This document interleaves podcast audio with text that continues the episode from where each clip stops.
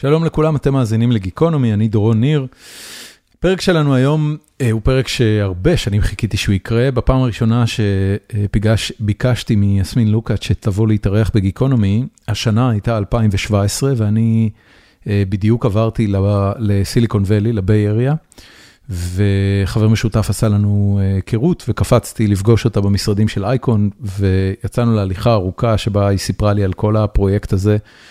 והזמינה אותי להצטרף לתוכנית המכונה SV101, Silicon Valley 101. 101 בתרבות אמריקאית זה כינוי לקורס הראשון שאתה לוקח במקצוע מסוים. Driving 101, Baseball 101, whatever. ו, ו, והייתי סקפטי בהתחלה ואז הצטרפתי לתוכנית. זאת הייתה תוכנית מעולה גם בתכנים שלה ובעיקר בהשתייכות לקהילת הבוגרים שלה, מה שמכונה Alumni Community. ואני ויסמין נשארנו בקשר לאורך כל השנים האלה, ושמחתי מאוד לראות גם איך אייקון הולך וצומח ומתפתח, והרבה תוכניות קמות סביב המפעל החשוב והיפה הזה, וגם איך יסמין בעצמה הולכת ומתפתחת, ומתקדמת גם ליצירת תוכן בעצמה, בהתחלה בפודקאסט שראיתי שהיא עשתה live בתקופת קורונה, ואחרי זה כמובן בכרישים. ואז, לפני כמה שבועות, שאלתי אותה אם היא תסכים לבוא. באותו, באותה נקודה ב-2017 היא לא רצתה לבוא להתארח בגיקונומי. היא חששה מהחשיפה, היא הייתה בן אדם מאוד פרטי, והיא לא ידעה בדיוק איך זה יבוא לה. ובנימוס רב היא סרבה לאותו רגע, ואני לא לחצתי, ונשארנו מיודדים מאוד. ואז פניתי אליה לפני כמה שבועות, והיא אמרה, כן, בכיף. וזה גם הפתיע אותי, וגם הראה לי קצת על הדרך והמסלול שהיא עברה בחיים שלה, והמקום שהיא תופסת היום עם עצמה בתעשיית ההייטק הישראלית ובסיליקון ואלי ובישראל. וזהו, ואני לא ארחיב יותר מילים, כי הפרק היה כיפי ומעולה ואני מעדיף שתאזינו לו. אז קדימה, פרק 563 עם יסמין לוקאץ', האזנה נעימה.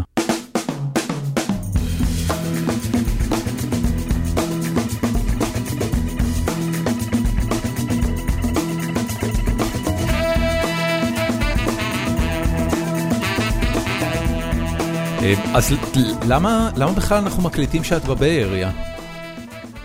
סתם זה יותר נכון מבחינת שעות, יותר נוח, קשה, אנחנו כבר מקליטים, אנחנו עוד לא מקליטים. מקליטים. מקליט? כן, כן, כן, זהו, זה הפרק, ככה זה מתחיל. ככה זה מתחיל? לא, אני רציתי כזה תדם, משהו. התדם אני עושה בעריכה, שמים תדם, כבר היה תדם, יש תדם ברקע, תדמייני תדם ברקע. אנחנו מקליטים, תראה, זה יותר נוח מבחינת שעות, העשר... שעות בין הבאריה ותל אביב, זה קשוח לקבוע, אז אם אני כאן, ואתה באוסטין. אבל אני זוכר, נכון? אמרת לי שאת מגיעה לפה בגלל סדרת הגמר של Golden? וואי וואי וואי, לא, התירוץ הרשמי הגעתי לעבוד. אני בספק אם האנשים יעלבו, אם מישהו יעלב. לא, הגעתי לאירוע של אייקון, עשינו אתמול אירוע של אייקון, יש פה כנס גדול של cyber security בשם RSA. אוקיי. וכל שנה, מכיוון שסייבר זה אחד הוורטיקלים הכי חזקים בסצנת ההייטק הישראלית, אנחנו, יש לנו סדרה שלמה, כמו שיש את SV101 שאתה מכיר באייקון, יש לנו גם סדרה שלמה של אירועים סביב cyber security, יש לנו כנס של cyber security, office hours של cyber security, ואנחנו בדרך כלל עושים גם אירוע בזמן ה-RSA. הסתדר לי שהמשחקים של הבית יצאו בול. יש מצב שככה גם RSA קבעו את הכנס. זאת אומרת, לפעמים הדברים האלה מסתדרים. תגידי, איזה אחוז מהחברות היום באייקון זה סייבר? לא, זה לא מגיע לרמה כזאת, אבל אתה יודע, אם אתה מתחיל לנתח ולראות איזה ורטיקלים בסופו של דבר בסייבר, סייבר זה vertical שהוא יותר מיוצג מהוורטיקלים אחרים, אבל זה לא ברמה מאוד מאוד משמעותית, זה בקטנה. אני אגיד לך איך הגענו לזה. אתה מכיר את הכנס שאנחנו עושים באייקון פעם בשנה? בוודאי, בוודאי. לא עשינו אותו בשנתיים האחרונות בגלל הקורונה. נכון. אנחנו חוזרים בספטמבר, אני מתרגשת. אתמול הודענו שסגרנו עם מנכ"ל Uber, עם דרה, להיות ה keynote של הכנס. וואו. כן, אז יהיה נחמד. אז לפני כמה שנים, כשהתחלנו רק לעשות את הכנס והכנס הצליח, פתאום שמתי לב שהרבה ארגונים אחרים ב ecosystem של ההייטק כאן, עושים את האירועים שלהם בסמיכות לכנס שלנו. שזה היה מאוד מחמיא. אמרו, מגיעים הרבה חבר'ה, הרבה יזמים מהארץ, בואו נעשה את האירוע שלנו אה, ליד. אה, שנה, שנה אחרי זה אה, פניתי לכל הארגונים האלה ואמרתי להם הנה התהליך, התאריך שאנחנו רוצים לעשות בו את הכנס שלנו בואו ניתן ביניכם בואו נפרסם את זה ביחד שכל אחד יעשה את האירוע שלו אבל בואו ניתן ליזם שמגיע מהארץ מכלול של דברים שהוא יכול לעשות כאן שלא יגיע רק לכנס שלנו כולם מאוד אהבו את הרעיון ואז קצת חששו שתהיה קניבליזציה ובסופו של דבר אף אחד לא עשה אירוע ליד. הבעיה הייתה שאני התאהבתי ברעיון. אז אמרתי טוב אז אנחנו נעשה מלא מלא אירועים מסביב. אז התחלנו ועשינו uh, את האירוע נשים בטק החודשי שלנו באותו שבוע, עשינו מרתון של שעות משרד באותו שבוע, ואז כל שנה הוספנו עוד דברים, אז שנה אחרי זה הוספנו, אנחנו עושים, יש לנו סדרה שקוראים לה דינר דיאלוג, שזה סדרה של ארוחות ערב בין משקיעים ויזמים, כל פעם שיחה סביב נושא אחר. עשינו שנה שעברה שלוש ארוחות כאלה בשבוע של הכנס, השנה היו עוד. את ה off-site של בוגרי תוכנית 20 זה נהיה ממש DLD, אה, כאילו זה נהיה בסדר גודל של אה, פסטיבל טכנולוגיה, South by South אה, West. כל אחד והאיכויות שלו. והרפרנסים כן, שלו. אנחנו קוראים לזה Iconic Innovation Week, ופשוט באיזשהו שלב רצינו להוסיף, כמו שיש את הארוחות ערב בין יזמים ומשקיעים, רצינו להוסיף איזשהו משהו שהוא רק ליזמים ותעשייה. אוקיי. Okay. ליזמים וללקוחות הפוטנציאליים שלהם. ואז אמרנו, טוב, בוא נראה מי כבר מגיע במייל ונרשם לכנס, ולפי זה נבין איפה אנחנו רוצים להתמקד. התחלנו לנתח את הוורטיקלים, זו הפעם הראשונה שבאמת עשיתי עם זה עם היזמים שמגיעים, ותדם, surprise surprise, היו הכי הרבה סייבר. כן. אז, אז עשינו uh, כנס שלם סביב סייבר security יום אחרי הכנס הרגיל. היה לנו את ניר צוק בתור keynote, uh, היה לנו את uh, גיל שווד בתור keynote. בואי אני אעצור. אותך רגע, בסדר? כן. כי מי, ש, מי שלא מכיר אותך כמוני, יכול קצת להתבלבל מהשטף הפסיכי שהרגע יצא לך מהפה. יש לך, אני מניח, uh, uh, 70 פעילויות. שרצות כרגע במקביל ואת עובדת עליהן ומארגנת אותן, ואנשים לא מכירים אותך, אנשים כאילו לא יודעים שככה את. שזה כאילו, זה ה mindset, שמהפעם הראשונה שפגשתי אותך, אני לא יודע אם את זוכרת, באתי לבקר באייקון עוד לפני שבכלל נרשמתי לתוכנית, ועשינו טיול מסביב למשרד ב-JCC בביי אריה, ודיברנו ארוכות על החיים עצמם, ויצאתי מזה, אמרתי, בוא'נה, היא עובדת בסלד שאני לא מכיר, זה לא... אין שם מה זה. בואי רגע אחד נעצור את זה. עוד הקפדתי לשתות רק קפה אחד בבוקר. לפחות היה קפה טוב? אני מחכה לשני. תגידי, את יודעת משהו, הנה, אני רוצה, אני אתחיל ממשהו ממש איזוטרי. אנחנו שנינו גדלנו בארץ, ועברנו באיזושהי נקודה לארצות הברית. איזה קפה את שותה? את שותה קפה ישראלי או שאת שותה קפה אמריקאי? אני אה, שותה, אני שותה, אני אוהבת את הקפסולות של נספרסו. אוקיי, זאת אומרת, אבל זה אספרסו? את שותה אותם כאספרסו? שותה כמקיאטו. אוקיי. לי היה קטע נורא מוזר לפני, בביקור האחרון שלי בארץ, שהיה אה, עוד לפני קורונה, ב-2019, אף קפה לא היה לי טעים בארץ. וזה הדהים אותי, כי אני הייתי בטוח שהקפה בישראל הוא הקפה הכי טוב בעולם, וממש, את יודעת, הייתי מלא ערגה, איך שהגענו לתל אביב. איך אתה שותה? אז כשהייתי בארץ, הקפה האהוב עליי היה... אה, הפוך אה, חזק אה, על חלב דל בארומה, סליחה, בהר קפה. וכשעברתי לארה"ב אז התחלתי לשתות משהו שנקרא Black Eye, שזה בעצם brewed coffee, זה כאילו קפה פילטר של של סטארבקס וכאלה, עם double shot אספרסו. וזה וזה כאילו הקפה שלי עכשיו. אבל אבל, אבל ממש הרגשתי בביקור האחרון בארץ שמשהו השתנה בטעם הקפה שלי ותהיתי אם זה קורה גם לאחרים. אני תמיד נשארתי עם העדפה, כאילו, רציתי להגיד לך על מה שעל הקפה שתיארת, רציתי להגיד לך מעניין, מעניין, שזה אמריקאי. פיכס, זה נשמע נורא, סליחה. לא, זה, כן, אולי זה נורא, תקשיבי, זה באמת, אני מניח שזה פשוט עניין של הרגל, זה הקפה שהתרגלתי לשתות.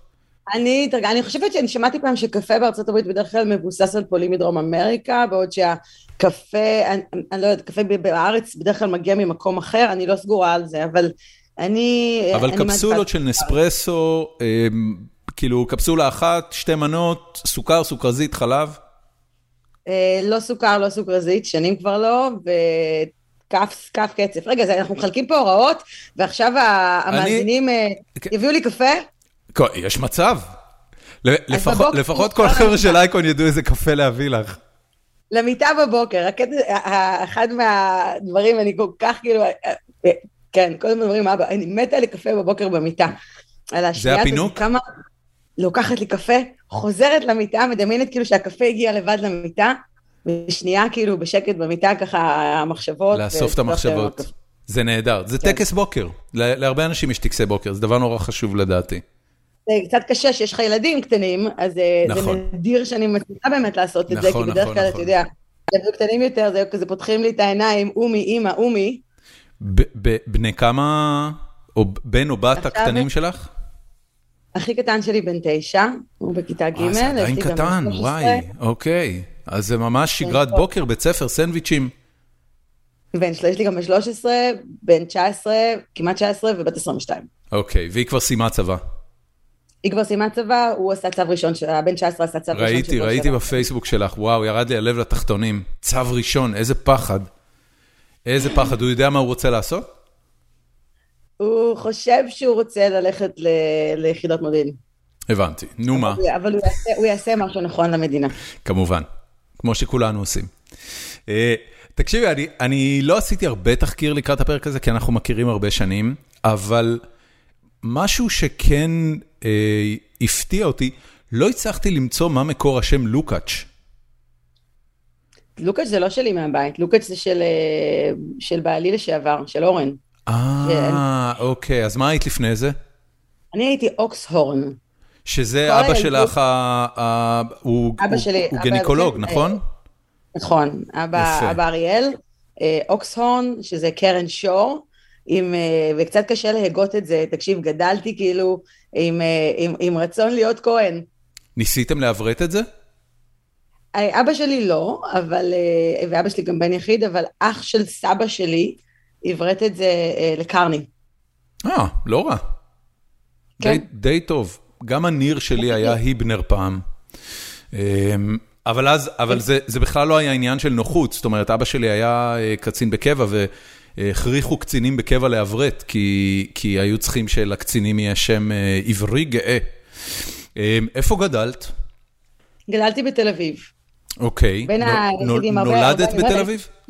נולדתי בתל אביב, וגדלתי בתל אביב, כן, ובגיל 31 בערך עברתי, נסעתי לארצות הברית. אה, האמת שגם כיתה י' עשיתי בארצות הברית. שנה. שנה. ואיך זה, זה היה לגדול?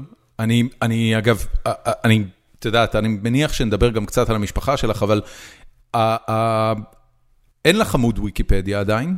את לא, לא, לא הגעת לזה, אני לא יודע למה. זה, זה, את בכוונה לא רוצה שיהיה לך עמוד ויקיפדיה? האמת שאיזה חבר ניסה לעשות אחד, והוא שלח לי אחר כך שוויקיפדיה אמרו שאין עניין. אז הורידו. איזה, איזה, איזה דבר מעליב. גם לי אין עמוד ויקיפדיה, את בחברה טובה, אל תדאגי, אבל לגיקונומי יש עמוד ויקיפדיה, גיליתי בשבוע שעבר שמישהו ממאזיננו אה, הוא, הוא ויקיפד אה, ועשה לנו עמוד באפריל השנה. איזה מאזינים, איזה מאזינים. ממש, תקשיבי, זה כל כך ריגש אותי, והכל היה שם, אמרתי, כאילו, מה זה, זה מישהו כאילו יודע את כל ההשתלשלות של ה pod. אבל רגע, חזרה אלייך. אימא שלך, הביוגרפיה שלה היא לא פחות ממדהימה. גם ה... גם הקריירה שלה כרופאה, שבכלל רשום בוויקיפדיה שהיא נולדה או עברה לחיפה באיזושהי נקודה? התחלת, התחלתם באיזושהי נקודה בחיפה? לא, ההורים, אמא שלי כבר גרה בתל אביב שההורים שלי הכירו. אוקיי. והיא כבר הייתה רופאה, ואז גם אבא שלך רופא, זאת אומרת בית של רופאים. נכון. ובאיזושהי נקודה שאני מניח כשהיית די צעירה הם התגרשו, והיא עברה לארצות הברית בכלל. הם התגרשו כשהייתי בת 11. ועם מי את היית? אה, הייתי, כמנהג התקופה הייתי עם אמא, אבל גם עם, כאילו, וגם רואה את האבא כמובן. וכשהייתי בכיתה י', אמא שלי רצתה, היא עבדה בבית חולים הדסה בתל אביב, שהיה קיים בזמנו, והיא אה, הייתה לה הזדמנות לנסוע, לנסוע, לנסוע, לנסוע. אה, אני חושב שזה לנסוע, הנון אה, נשמטת שם כי זה... נון, כן. בקיצור, הייתה לה הזדמנות לנסוע לשנת שבתון לארצות הברית, לעשות עבודת מחקר. מה, פוסט-דוק כזה? סוג של. Okay. אוקיי. היא נסעה, האמת אני לא יודעת. היא אה, נסעה לאוניברסיטת רוקפלר, ועשתה, אני חושבת שזו התמחות נוספת, okay. אותה אוקיי. התמחות. אוקיי. ועשתה התמחות בהתמכרויות. היא עבדה אצל פרופסור מרי ג'ין קריק, והם חקרו גמילה מהרואין באמצעות מתדון. אוקיי. שזה היה חדש לתקופה, או שזה היה... את לא יודעת. אני, אני מניחה, כן, אני מניחה, זו הייתה התחלת הדרך. המתדון הוא משהו שהוא קיים הרבה מאוד שנים, השתמשו בו נכון. גם במלחמת העולם, במלחמת העולם השנייה, אם אני זוכרת נכון. אבל המחקר שלהם היה מאוד משמעותי. לא הלכתי לכיוון של הרפואה, אני לא שוחה בכל הפרטים של הדברים. איך זה היה לגדול בבית, זאת אומרת, היה משהו בזה שהם שניהם היו רופאים שעשה לך הסללה למדעי החיים, או שזה לא היה בבית? אתה יודע, אני הייתי כזאת אה, ילדה דעתנית מאוד, ואני הייתי מתריסה, אה, אתם חושבים שאני אהיה רופאה? אני לא אהיה רופאה. הם מסתכלים עליי כזה, אנחנו תעשי מה שאת רוצה, כאילו, העיקר שתהיי מאושרת, תהיי רופאה, אל תהיי רופאה. ואני אמרתי, לא, לא, לא, אתם בטוח רוצים שאני אהיה רופאה, אז אני לא אהיה רופאה. והם כאילו, אנחנו לא אמרנו כלום, אמא שלי אומרת, לא היה במי למרוד. כן, אמא שלי אמרה, אבא שלי רצה שאני אהיה עורך דין, ואכזבתי שהלכתי לרפואה, אז תעשי מה שאת רוצה, את רוצה, תעשי מה שאת רוצה. ואני כאילו, לא, לא, לא, אתם רוצים שאני אהיה רופאה, אני לא אהיה רופאה. ואיפשהו בשנה שלישית במשפטים הלכתי ללמוד משפטים, חשבונאות וכלכלה. אני מאוד אהבתי את זה, ידעתי שאני לא רוצה... זה היה בישראל? זה היה בישראל באוניברסיטת תל אביב. משפטים, חשבונאות וכלכלה, מה זה, זה כזה תואר משולב למצטיינים גאונים? התחלתי משפטים וכלכלה, דו-חוגי. אוקיי. ובשנה השלישית, אני חושבת, עשיתי קורס בחירה חשבונאות לכלכלנים, וגיליתי שאני הרבה יותר אוהבת את החשבונאות מאת הכלכלה. אז אמרתי, טוב, אני נוטשת את המשפטים כלכלה, עושה סוויץ' למשפטים חשבונאות. אוקיי. וכשסיימתי, גיליתי שאני יכולה להישאר עוד סמסטר וגם להשלים את התואר בכלכלה. אז איכשהו בניתי לי איזו תוכנית כזאת שהיא... אז זה פתח לשלושה, את שלושה תארים או שהתואר משולב? אני חושבת, אני לא יודעת, אני לא יודעת. זה לא ממש... כמה תעודות קיבלת? זה בטוח לא שלושה אוקיי. מאוניברסיטת תל אביב, יכול להיות שזה תואר במשפטים ותואר בחשבונות וכלכלה. היה משהו בשנים ההם אה, שחשבת, זאת אומרת שאת היום מסתכלת בדיעבד ואומרת, זה די הגיוני שהתגלגלת למקום שאת נמצאת בו? אתה יודע, סטיב ג'ובס אמר, you can only connect the dot looking backwards, נכון? נכון. נכון. היא שואלת אותי אז, הקריירה שלי נראתה לי מפוזרת וכל דבר לא קשור, בטח נגיע לכל הדברים האלה, אבל הייתי סוג של investment banker ולמדתי משפטים והייתי עורכת דין והייתי באמת כל מיני תפקידים שאתה לא לגמרי רואה את הקשר ביניהם, אבל עכשיו שאני מסתכלת אחורה, אני באמת רואה איך הכל הביא אותי למה, למה, שאני עושה, למה שאני עושה היום. ואני דווקא בסופו של דבר כנראה כן מרוצה שלא הלכתי ללמוד רפואה והלכתי ללמוד מה שלמדתי. נכנסתי ללימודי המשפטים בידיעה שאני לא רוצה להיות עורכת דין, בידיעה שאני רוצה אה, את המשפטים ככלי בשביל לעשות עסקים. רציתי ללמוד, לעשות MBA אחר כך, רציתי לעשות עסקים, והתואר הראשון, העובדה שגם משפטים בארץ זה תואר ראשון, לא כמו כן. בארצות הברית שזה תואר שני, אפשרה לי אה, לבחור בו אה, ככלי הכי מתאים, במיוחד כשיכולתי לשלב את זה עם אה, חשבונאות או עם כלכלה. אגב, היום הרבה חבר'ה שואלים אותי, אה, מה את ממליצה לי ללמוד אם אני רוצה ללכת לעסקים? והרבה פעמים אני אומרת שאולי מה שהיה משפטים בזמני, היום זה קצת יותר מדעי המחשב. במיוחד אם אתה... במובן של uh, הסללה למקצוע מבוקש? לא מקצוע מבוקש, במובן, uh, אני מרגישה שחסר לי קצת ידע טכנולוגי. אוקיי. ויכול להיות ש, ששילוב של במקום uh, משפטים וכלכלה, אולי אם הייתי עושה מדעי המחשב וניהול, היה שם אותי במקום עם ידע יותר רלוונטי למה שאני עושה היום. מעניין, אוקיי. אני, איפה את נתקלת בתחושה הזאת של חוסר ידע טכנולוגי? הופ. סליחה. לא, זה בסדר. אה, איפה אני נתקלת בתחושה? אתה יודע, אני, אני, אני פוגשת המון סטארט-אפים, מאות, אולי אלפים, ניסיתי כזה להבין כמה באמת סטארט-אפים אני פוגשת אה, ושומעת על מה שהם עושים. לא תמיד אני מבינה לגמרי מה הם עושים. אוקיי. לא תמיד הדקויות, לאט לאט אני לומדת עוד משהו ועוד משהו, אני שואלת, אני קוראת, אבל יש חבר'ה ש, שאני יכולה לצטט לך, כאילו, אני יכולה להגיד לך מה הם עושים, אה, דווקא מה שאתם, מה שעשיתם ב StreamElements, כן. אני, יכול, אני יכולה להסביר, זה משהו כי ש... כי זה מדיה, זה... זה לא, זה בכלל לא קשור לטכנולוגיה. זאת אומרת, זה, זה בוודאי טכנולוגי, הטכנולוגיה היא מה שמאפשר scale ב StreamElements, אבל, אבל העשייה עצמה היא לא טכנולוגית, זה הפקת תוכן. זה, זה כמו כן. ש podcasting זה לא באמת טכנולוגיה, זה הפצת תוכן. אבל לקחתי כאילו את החיסרון הזה ועשיתי ממנו איפשהו אולי יתרון, אולי יתרון, יתרון יחסי. החוזקה שלי זה לא להבין את הטכנולוגיה, החוזקה שלי זה להכיר את האנשים ולהבין את האנשים. ואני תמיד צוחקת שיש חברה, חברה טכנולוגית שהשקעתי בה, אני עושה גם השקעות אישיות, כן. חברת סייבר בשם Salt Security, שעד היום, והחברה כבר מוערכת בהרבה מאוד כסף, והצטרפתי אליהם ממש בהתחלה, בהתחלה, לא ראיתי את המוצר שלהם. אני זוכר אותם היטב, הם ישבו באייקון כשאנחנו עשינו את המחזור, הם אז התחילו להתגבש. מזמן, אפילו לדעתי לפני זה, אבל כן. אנשים מדהימים, כן, ואני גם לא מבין כלום על המוצר שלהם. קצת לאט לאט עם הזמן הבנתי, למדתי, אבל הרבה, אז הידע הזה קצת חסר לי הרבה פעמים, ואני מנסה לקחת את הזווית שלי, שהיא זווית של אנשים יותר. זה, זה מגיע... ולהקשיב, ולהקשיב, אתה יודע מה, ולהיות, הנה משהו חשוב, ולהיות מודעת לחוסר ידיעה שלי בנושא. אני חושבת שמודעות לאיפה אתה לא יודע, היא משהו, היא משהו שהוא מאוד חשוב. אני אוהבת לראות את זה אצל אנשים, שאתה לא מניח שאתה יודע את הכל, ואתה אומר, הנה פה אני חלש, פה אני אסתכל על מישהו שמבין בזה ואני אקשיב לו. אוקיי. Okay. זה קורה גם uh, בצילומים של הכרישים? מאיזה בחינה זה קורה בצילומים? מבחינה שאת מסתכלת, את יודעת, אה, אה, אני מניח שזוהר לבקוביץ' אה, הוא אחד היותר טכנולוגיים בצוות שם. גם היה, גם היה אורח בפודקאסט הזה, והוא בן אדם מאוד מבריק. בעיני עצמו וגם בעיני אחרים. אני חושבת שהמיזמים שמגיעים לכרישים, דורון, הם הרבה פחות טכנולוגיים מהמיזמים שאני פוגשת ביום-יום. זה הרבה מאוד מוצרי קונסומר, והרבה מאוד טכנולוגיות שהן לא מורכבות, אה, אנחנו לא מתעסקים אה, באמת טכנולוגיות אה, מאוד פשוטות, אז הבנה, חוסר הבנה טכנולוגיה אני לא מרגישה שאני נתקלת בו בכרישים, אבל לפעמים יש מה שנקרא דומיין אקספרטיז, כי אם מישהו בא ומציע תוכנה שרלוונטית למסעדה, יש את אורן, שהוא הבעלים של כן, אורן כן, סחום, כן, כן. יש לו הרבה ניסיון בכל מה שקשור לאוכל, או כל אחד יש לו את הדבר הזה, דובי הוא משקיע פינטק, אז הוא מבין הרבה בדברים שקשורים לפינטק, אז כל אחד יש לו קצת את, ה, את הזווית שלו, אבל החוסר בידע, אני לא מרגישה שיש לי חוסר בידע טכנולוגי בקרשים. כמה מה... כמה ממה שציינת רגע, את בעצם אומרת, המיזמים בקרישים צריכים להיות מובנים לקהל בבית.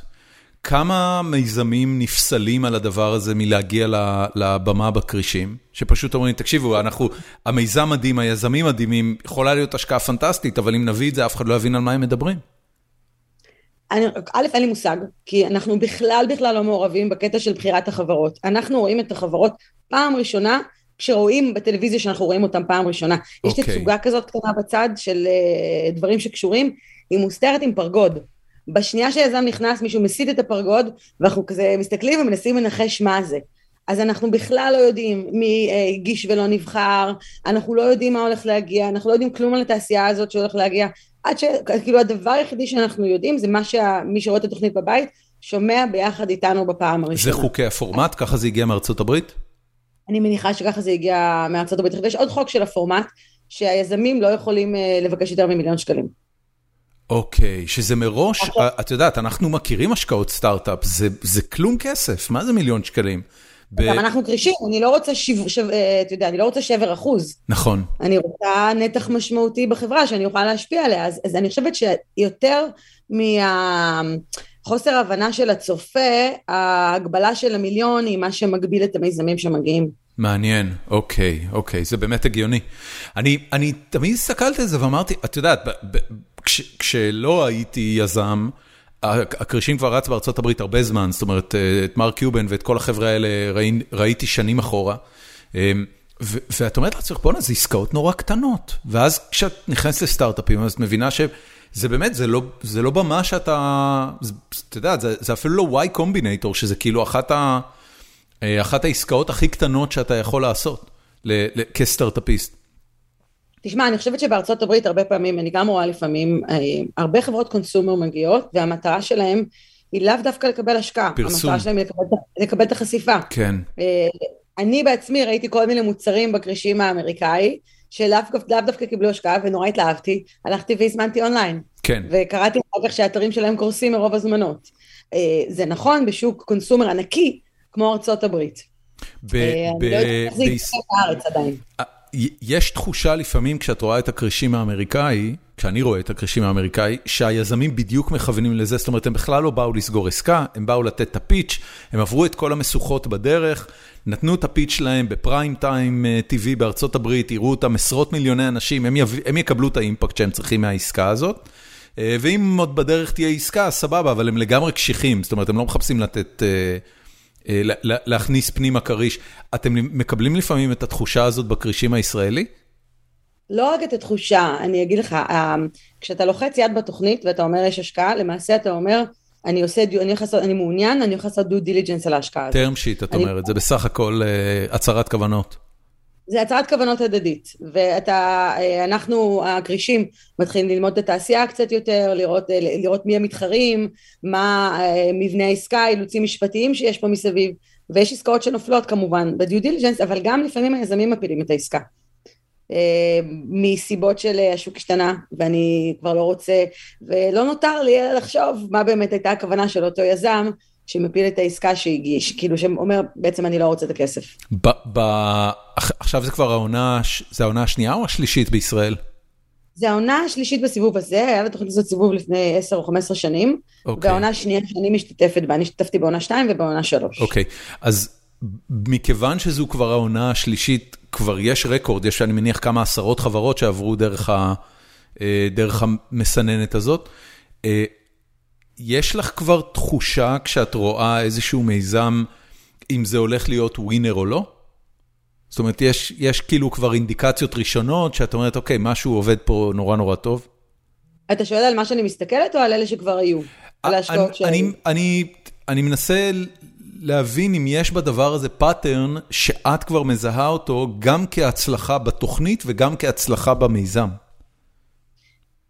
תראה, קודם כל, הצלחה במיזם, סך הכל זה דומה למה שאני מכירה מההייטק. כל הרעיון שלי, הגעתי לכרישים כדי כאילו להביא את המתודות ואת הרעיונות ואת כל מה שיש לנו בהייטק, את המחשבה הזאת, לעוד מגזרים, לעוד ורטיקלים, לעוד אנשים שיושבים ב... אני לא יודעת איפה בארץ, ומסתכלים על התוכנית ויש להם רעיון עסקי.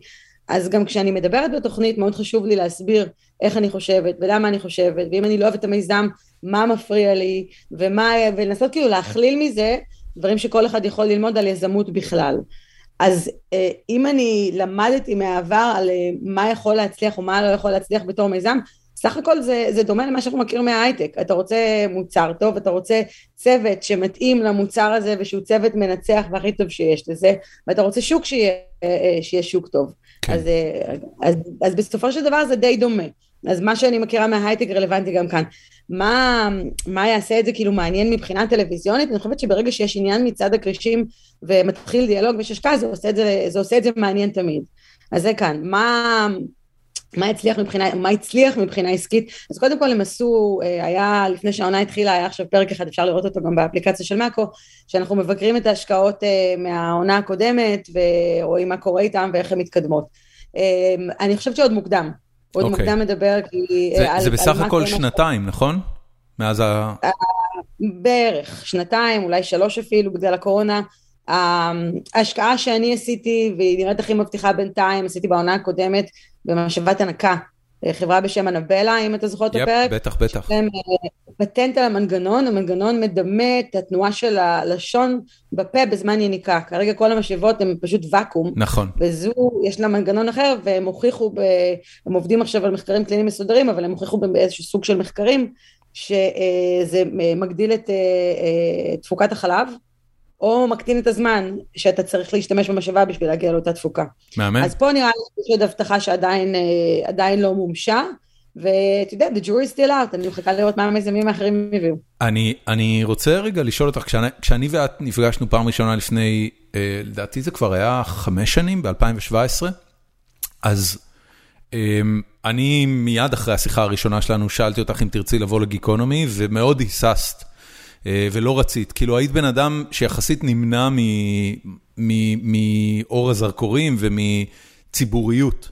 אה, ואז אחרי זה גם ראיתי שאת לאט לאט נותנת יותר רעיונות, ובוודאי פתאום הופעת בכרישים, שזה היה הפתעה מאוד גדולה. מה קרה אצלך שאפשר לך את השינוי הזה? חשבתי על זה הבוקר.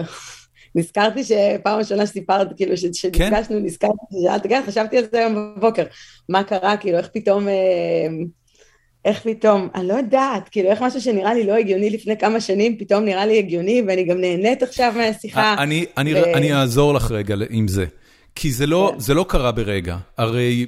אה, באיזושהי נקודה עוד לפני הכרישים, את ואודי התחלתם לעשות ב Silicon Valley Live podcasting, וראיינתם אנשים. זאת אומרת, ראיתי אותך הולכת ומתנסה ביצירת תוכן עוד לפני שאת משתתפת בתוכן של מישהו אחר. אה, וזה הרגיש לי, בגלל שאני מכיר אותך, שזה יותר קל לך, כי זה הרבה יותר קל לייצר את התוכן מעצמך, אתה נורא בשליטה, שליטה באופן כללי זה נראה דבר נורא חשוב אצלך. אז אז עשית את זה, ואז לאט לאט עשית עוד כמה דברים. קודם כל, אני צודק, זו תזה נכונה? זו תזה נכונה שזה עניין הדרגתי. אתה יודע, אתה בודק את המים, הם, הם לא, אף אחד לא נשך להורידו לך את הרגל. אה, למה חשבת שמישהו יוריד לך את הרגל? זאת אומרת, מה היה שם, מה היה החשש? אני חושבת שכל תרבות הטוקבקים אה, היא, אה, היא, היא כזו, היא קצת אלימה. אוקיי.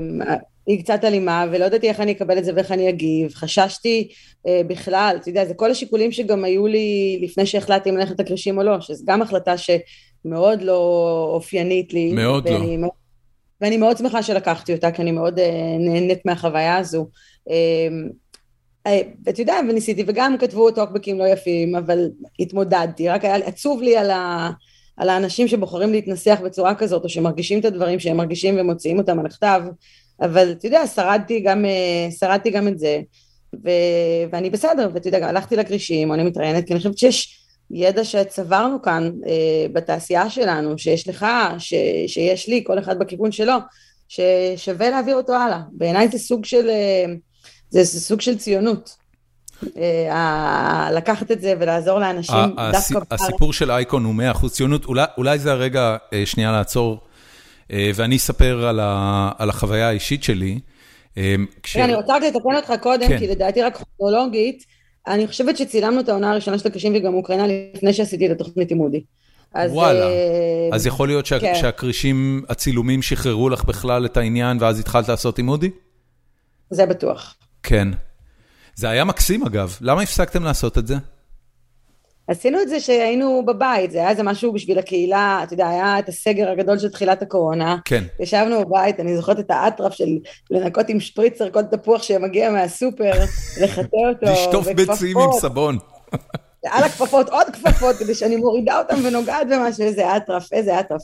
אז uh, uh, ישבנו בבית, והקהילה, היה כזה מורל ירוד לקהילה הישראלית, שאווירה מאוד חזקה של קהילה בסיליקון וואלי של קהילה ישראלית. כן. אמרנו יאללה בוא נעשה משהו, איכשהו זה, זה יצא, אז, אז זה לא... זה לא כאילו את, את הפוקוס העיקרי שלי, אם כבר הייתי עושה משהו, הייתי עושה משהו שקשור להייטק. אבל רגע, אני רוצה לחזור לסיפור שלך, דורון. טוב. אז uh, אני ב-2017 עברתי הברית, uh, בין היתר בעקבות uh, Stream Elements, בעקבות הגיוס שעשינו ל-Stream Elements, ו... ו- ואז גיל הירש, אה, שהוא אה, שותף והיום אה, מנכ"ל החברה, סיפר לי על התוכנית וסיפר לי עלייך, ובאתי לפגוש אותך פעם ראשונה, ושמעתי על התוכנית שנקראת SV101, Silicon Valley 101, תוכנית שעוזרת ליזמים, ליזמים ישראלים להתחבר טוב יותר ולהבין טוב יותר את החשיבה ואת האנשים של סיליקון ואלי. ואמרתי, סבבה, ננסה, זה זה נראה לי דבר מגניב. אה, בתור יזם בשלבים מוקדמים של סטארט-אפ, אתה כל הזמן חושב אם השבועיים האלה יהיו שווים את זה, אה, וכמו כל יזם חשבתי את זה, אבל אבל אז אמרתי, נלך על זה. ומה שקיבלתי היה אה, בערך 10x על על הציפיות שלי. עשינו אקסלרטור לפני זה בישראל אה, עם Stream Elements, וזה היה באמת תוכנית מצוינת שנתנה לנו מקום ובית, אה, סיגמה לאב קראו לה. אה. אבל זה לא היה דומה בכלל ל-SV101, זה היה תוכנית של שבועיים, אה, מפגשים עם כמה מהאנשים הכי מרשימים אה, שה... שההייטק הישראלי אי פעם הוציא מתוכו, נועם ברדין ו... וניר צוק ועוד רבים וטובים אחרים, וביקורים בקרנות הון סיכון, ו... ואני זוכר ש... קודם כל, זה הוריד לי נורא נורא חזק את, את מה שמכונה אימפוסטר סינדרום, שיזם צעיר, ולמעשה, לדעתי כל אחד חווה.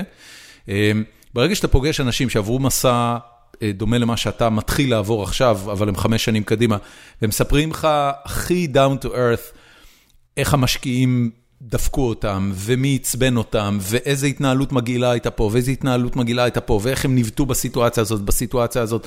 הסיפורים של נועם ברדין על כמות התביעות שנחתו על שולחנו ביום שנסגרה העסקה עם גוגל, ועוד כל מיני דברים כאלה.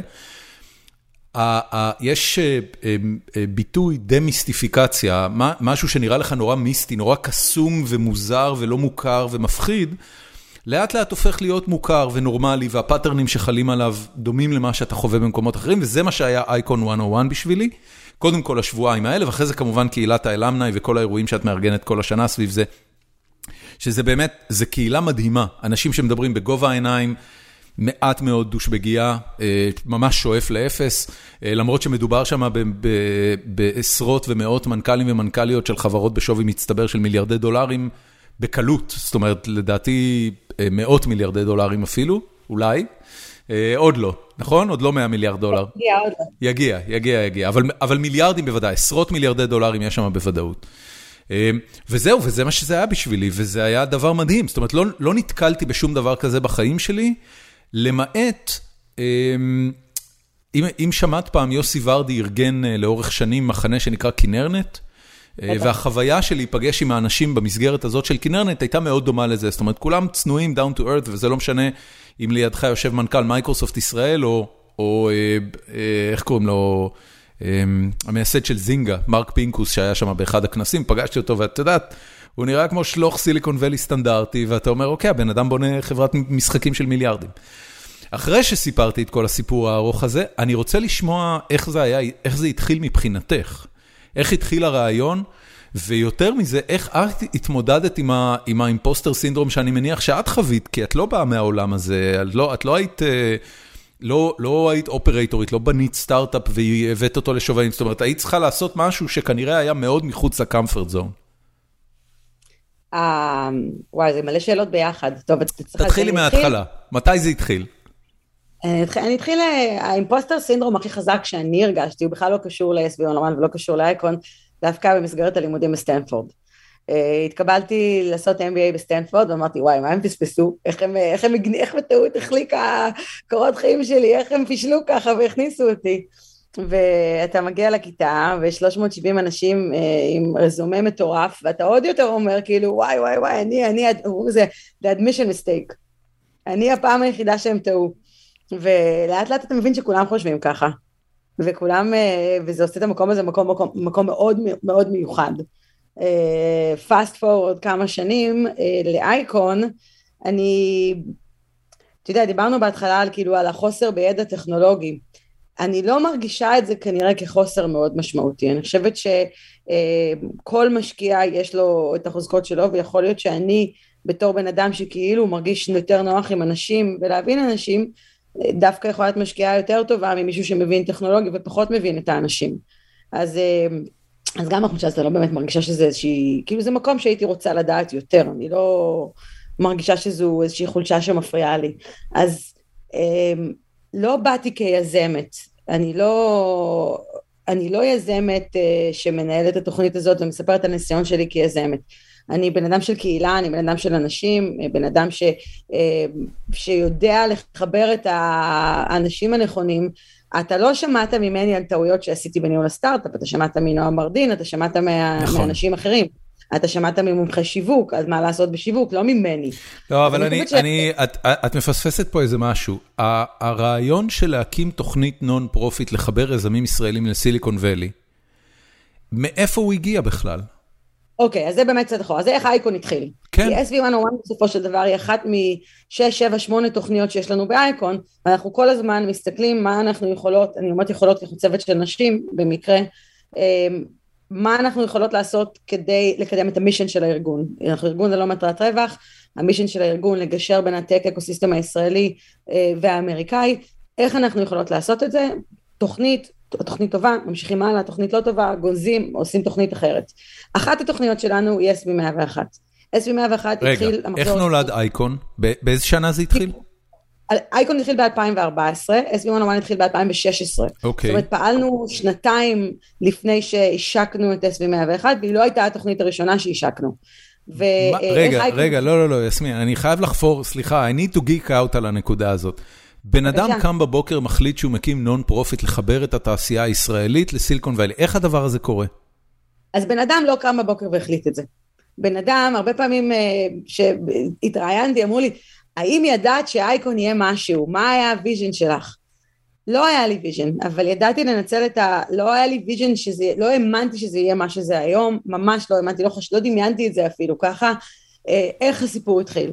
הסיפור התחיל אה, במחשבה של אה, ה-JCC המקומי וקבוצה של ישראלים, okay. אוקיי. שאנחנו רוצים לעשות משהו בשביל לשים את ישראל בכותרות בהקשר של הייטק. הייתה תקופה שהיה הרבה כותרות לא נעימות, היה הרבה BDS, אמרנו יש כל כך הרבה דברים יפים, בואו נמצא איך יעשו איזה אה, כתבה פה בעיתון המקומי בסיליקון וואלי, ויכתבו על ההייטק הישראלי. היה משהו ו... ספציפי בעיתון שקשור ל-BDS שהדליק לך את הנורה הזאת?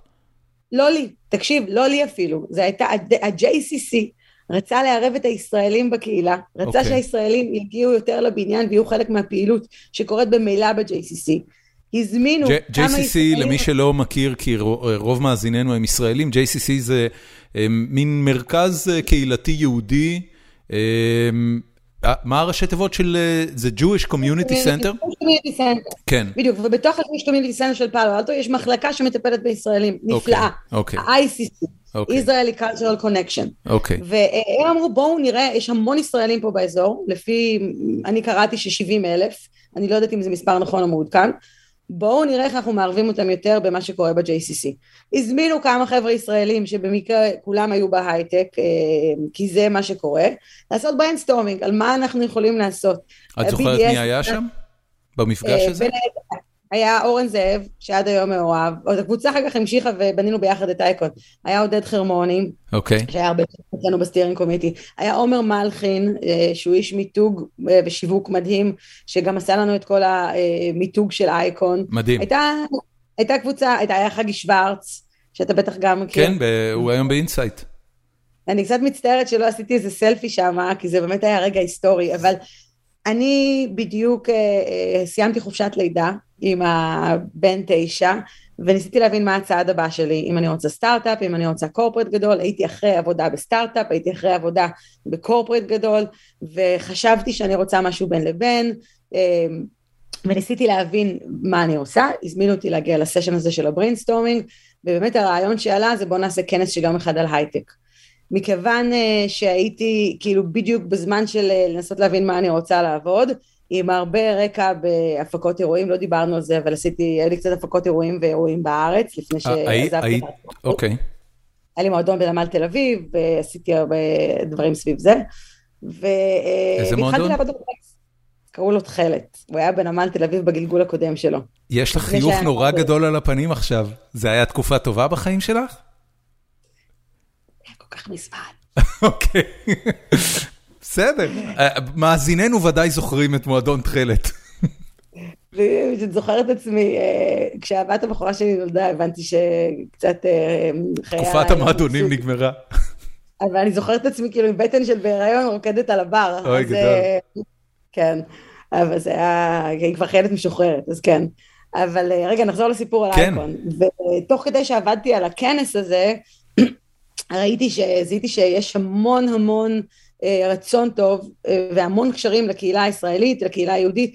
כל מי שפגשתי מיד נרתם לעזור, מאוד אהב את העובדה שאנחנו ארגון ללא מטרת רווח ורצה לשפוך פנימה את כל הקשרים שלו והקשרים של כולם היו זהב. הגענו, הגענו, לה, הגענו לכל הקרנות הכי חזקות, לכל ה-corporates וכולם הייתה היענות מטורפת ורצון להיות חלק באירוע הזה. חזרתי, כינסתי את החבר'ה מה-brainstorming session, ואמרתי, חברים, יש לנו פה משהו. עלינו על משהו, אנחנו יכולים לעשות הרבה יותר מהכנס הזה. כל העבודה הזאת היא לא תהיה רק בשביל יום אחד. בואו נקים ארגון. מה הארגון עושה? מה ה-mission שלו? עוד לא היינו סגורים על זה. הדבר הראשון שעשינו באייקון זה היה לשנות את השם של הכנס מכנס לאירוע השקה. וכך השקנו פעילות של ארגון. לא ידענו, עוד לא ידענו מה, ידענו מה הכיוון, אבל לא ידענו, והיה רק אני. ו, ולאט לאט הוספנו עוד, uh, עוד תוכנית ועוד תוכנית, אותו צוות uh, נשאר כ... בתור כזה כמו בורד, כמו ועד מייעץ uh, של אייקון, ובאיזשהו שלב אני הפסקתי לחפש עבודה אחרת, והבנתי שזה מה שאני עושה, ו-the rest is history, איך שאומרים, נכון? ילדים בצד... סליחה, אני חושבת שאומנם לא היה לי את ה-vision לכל מה שזה הולך להיות לפני, והרבה פעמים כשאני מדברת עם אנשים שלא סגורים על ה-vision ומה הם עושים, אני אומרת, תראו, גם אני לא ידעתי ותראו לאן הגענו, אבל מה שכן, כן השכלתי לזהות הזדמנויות. ו, ולקחת אותם, ו, ואם נפתח, נפתח חלון הצצתי, נפתחה דלת בדקתי, לא טוב, מהר לתקן ולחזור לכיוון אחר. אז, אז ה-vision גדל עם אייקון, וה-mission זה כאילו משהו שנשאר איתנו מההתחלה של החיבור בין שני ה-tech ecosystem ולעזור ליזמים הישראלים להצליח. איך את, איך את יודעת שזה מצליח? כאילו מה, מה בחוויה שלך הסיגנלים שאת מסתכלת ואת אומרת, אוקיי, זה עובד, או, או את זה צריך לגנוז? במה שאנחנו עושים מאוד מאוד קשה למדוד הצלחה. נכון. אתה יודע, הרבה פעמים כשאנחנו עושים KPIs, אז אני מסתכלת על KPIs של, של, של תשומות, של מה עשיתי, כמה אירועים עשיתי, כמה אופיס אאורס, כמה דברים, שזה לא באמת נכון. הייתי רוצה למדוד את האימפקט, הייתי רוצה לשאול אותך כמה פגישות יצאו לך מכאן, כמה הפגישות האלה התקנברטו לאיזושהי עסקה שהייתה משמעותית עבור הסטארט-אפ שלך, האם פגשת מישהו שהוא יכול להיות בורד ממבר עבורך, אולי פגשת מישהו שהכיר לך בכלל מישהו. הבעיה היא שאין לי יכולת למדוד את הדברים האלה, ומעבר לסיפורים אנקדוטליים פה ושם, שאפילו אתמול, באירוע של אייקון גיליתי, בסמולטוק עם איזה משקיע שהיה שם, שבאירוע של אייקון לפני שנתיים, הוא פגש איזה סטארט-אפ והשקיע בו.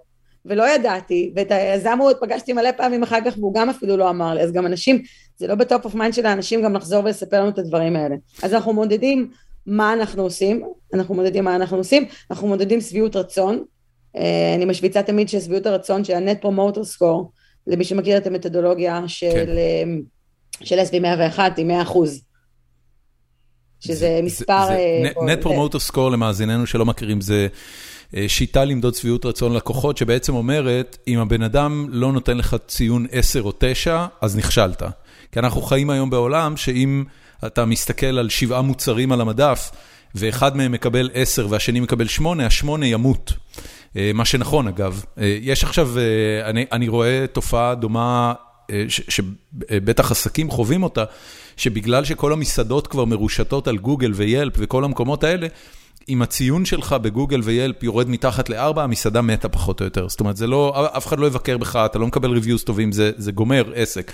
ואתה אומר, אוקיי, 3.9 זה, זה ציון מעולה, זה אומר שזה יכול להיות ש-80 אחוז נתנו לך ציון 5 ועוד... ועוד כמה לא, לא מרוצים נתנו לך אחד, אבל זה הורג עסק, זה, העסק מאוד מאוד תחרותי בגלל זה. אז ה-net promoter score, את אומרת, הוא 100, אני הייתי חושב שאולי במקרה של אייקון, האינדיקציה הכי טובה לכמה זה מצליח זה attendance, זה כמה אנשים חוזרים לאירועים שוב ושוב ושוב. את יודעת, אני גם, אני חושב, אף פעם לא חשבתי על אייקון בתור משהו שאמורה לצאת לי ממנו עסקה. תמיד חשבתי עליו יותר בתור משהו שקיומו משפר את יכולת ההתייעצות שלי, נותן לי פורום מעולה לקבל ממנו עצות כיזם. חיבורים, כן, אבל פחות עסקאות, אולי, אולי זה אחרת ב-enterprise software או בקטגוריות שבהם יש הרבה יותר יזמים שם. תראה, זה גם לא חייב, א', נכון, ב', זה לא חייב להיות גם ישיר, זה לא שאני אחבר לך את הלקוח הפוטנציאלי שלך, אבל יכול להיות שתכיר מישהו שיגיד, בואנה, זה פתרון נפלא, ואני רוצה לחבר לך את so and so, אז אנחנו תמיד אומרים, אחד מהטגליינס שלנו זה אני אשים אתכם ביחד בחדר, ו-you make the magic happen. אני רק מנסה להנגיש את, ה, את ההזדמנויות עבורכם, גם הזדמנויות לידע, איפה שאין את הידע, גם הזדמנויות, הזדמנויות לדברים שהם משמעותיים לעסק. עכשיו ה Cyber Day שהתחלנו, שהתחלנו בהתחלה, בהתחלה לדבר עליו, הוא בדיוק זה, הוא בדיוק המפגש בין היזמים והלקוחות הפוטנציאליים שלהם. עשינו שם כמו speed dating בין CISO ים ויזמי סייבר. אז, אז זה כאילו אפילו עוד יותר מוכוון לזה.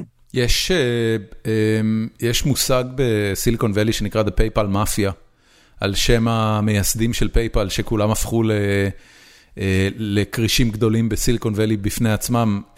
מישהו פעם התייחס ל-ICON בתור The Israeli Mafia? האמת שאני לפעמים כשאני מסבירה מה זה, אני אומרת שאנחנו פה בשביל לסדר את המאפיה, כי הישראלים היו מגיעים למי שהם יכולים להגיע ולא למי שהם צריכים להגיע. כן. והנה אנחנו כאן בשביל לסדר את זה, אבל אמריקאים מאוד לא אוהבים את הדימוי הזה. אז לא, אני משתמשת בו לא, לא, לא. רק בשיחות ישראלים, האמריקאים נכון. מאוד לא אוהבים את זה. Speaking of the PayPal Mafia, די בתחילת הדרך היו לנו כמה דוברים בכנסים שלנו מהמאפיה, אני זוכרת שרציתי לשים את הפוסטר שלהם ולהתחיל לסמן, אה, פיטר טיל היה אצלנו. אה, פיטר טיל גם היה בזה, נפגשנו איתו ב retreat. נכון, מקס. לבצ'ין דיבר אצלנו. קית' דיבר אצלנו, מי עוד? היו שם עוד כמה. אילון מאסק לא היה. עדיין לא, אם מישהו יכול לחבר אותי לאילון מאסק, אני מאוד אשמח, אני רוצה שיבוא לדבר אצלנו. אה, אני חושב שיהיו לו כמה סיפורים מעניינים, מה שהוא עובר עכשיו עם טוויטר. אה, אני זוכרת שקיבלתי בתחילת הדרך איזה עצה ממישהו, שנגיד להביא דובר לאירוע, אולי זה גם רלוונטי לזה, אתה רוצה שהוא יהיה useful או controversial, כן. ובעדיפות שניהם. בעניין הזה, אני, אני, אני לא יודע אם את אה, זוכרת, אבל לפני כמה שנים היה אה, אירוע עם יאן קום, המייסד והמנכ"ל של וואטסאפ, אה, שבדיעבד יצא שהוא היה שם שבועיים או שלושה לפני שהוא עזב את פייסבוק, אה, די בטריקת ותראה, דלת. תראה, היה לנו לפני חודש אירוע עם חביה אוליבן, שהשבוע הודיעו שהוא מונה להיות ה-COO נכון. של אה, פייסבוק. נכון, נכון. אנחנו זהו, אתה זה- רוצה להצליח, זה- אתה בא להתראות אצלנו. זהו, זה מאפיה. עכשיו, עכשיו רק, אה, רק אה, דגים עטופים בעיתון ואת מסדרת את כל ההשקעות. אה, תקשיבי, אני רוצה רגע לחזור ל... אה, אני יכול קצת לחפור בעבר המשפחתי? בבקשה, זה מעניין. אותי כן. אני אגיד, לך, גם- למה זה מעניין אותי. אה, שוב, חוזר לזה ש, שקראתי את, ה, את הביוגרפיה המשפחתית ו, ו,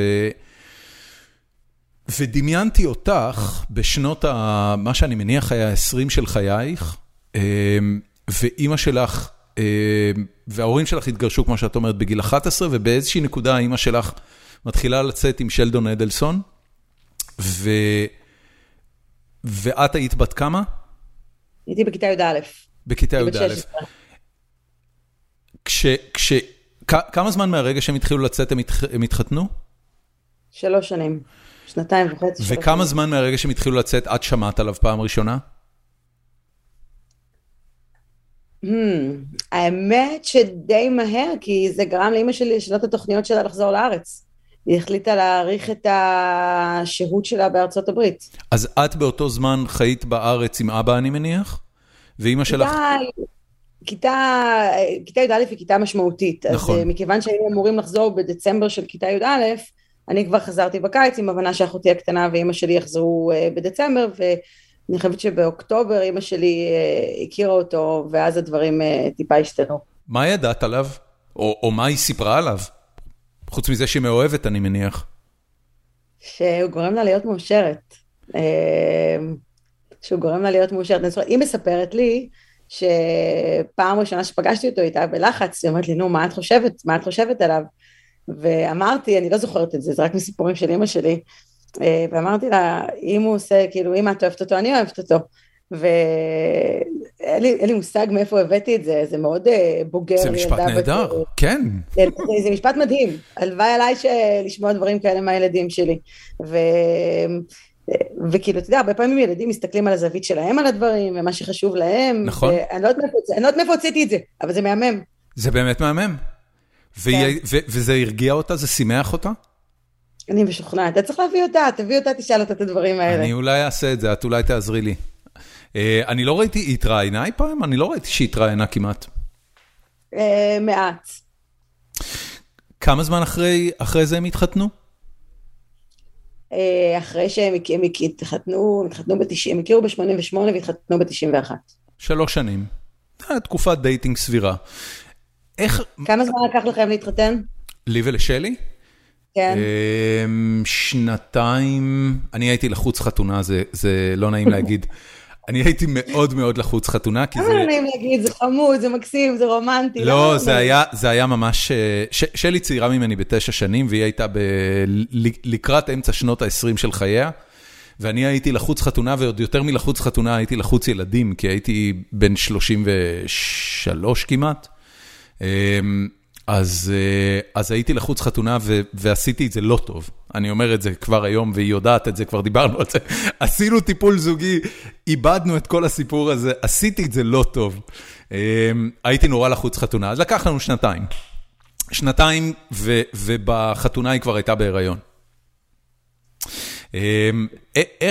איך החוויה של מישהו כזה שנכנס פתאום לחיים שלך בתור מי שמתחתן עם אימא? קודם כל הוא לא היה אז מה שהוא היה אה, בשנים האחרונות, מה שמכירים אותו, מבחינת סדר גודל של הצלחה כלכלית, אה, או מבחינת הדמות הציבורית. אה, אבל אני חושבת שסופו של דבר, אתה יודע, כאילו, משפחה זה משפחה. נכון. מה שהיה לי, שוב, זה איך הוא גורם, איך הוא גורם לאמא שלי להרגיש, ולראות את החיוך שלה שהיא טוב, ולראות באמת כמה שהיא מאושרת, זה, זה מה שהסתכלתי עליו. וכשפגשת אותו, אז היה את הסצנה הזאת ש... שהילדה הטינג'רית הביקורתית מסתכלת על מי שעכשיו מחזר אחרי אימא שלה ומפחדת שהוא ישבור לה את הלב?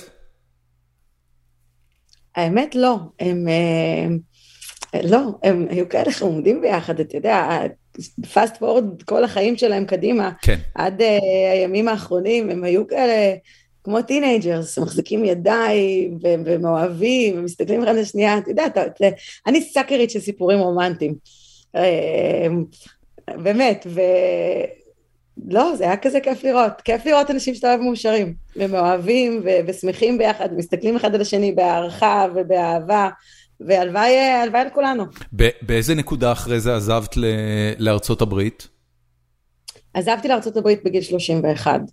אה, רציתי לעשות זאת אומרת, אה, היית בכיתה י"א, עשית את הצבא, עשית עוד לימודים בארץ, ואימא שלך כל השנים האלה בארצות הברית?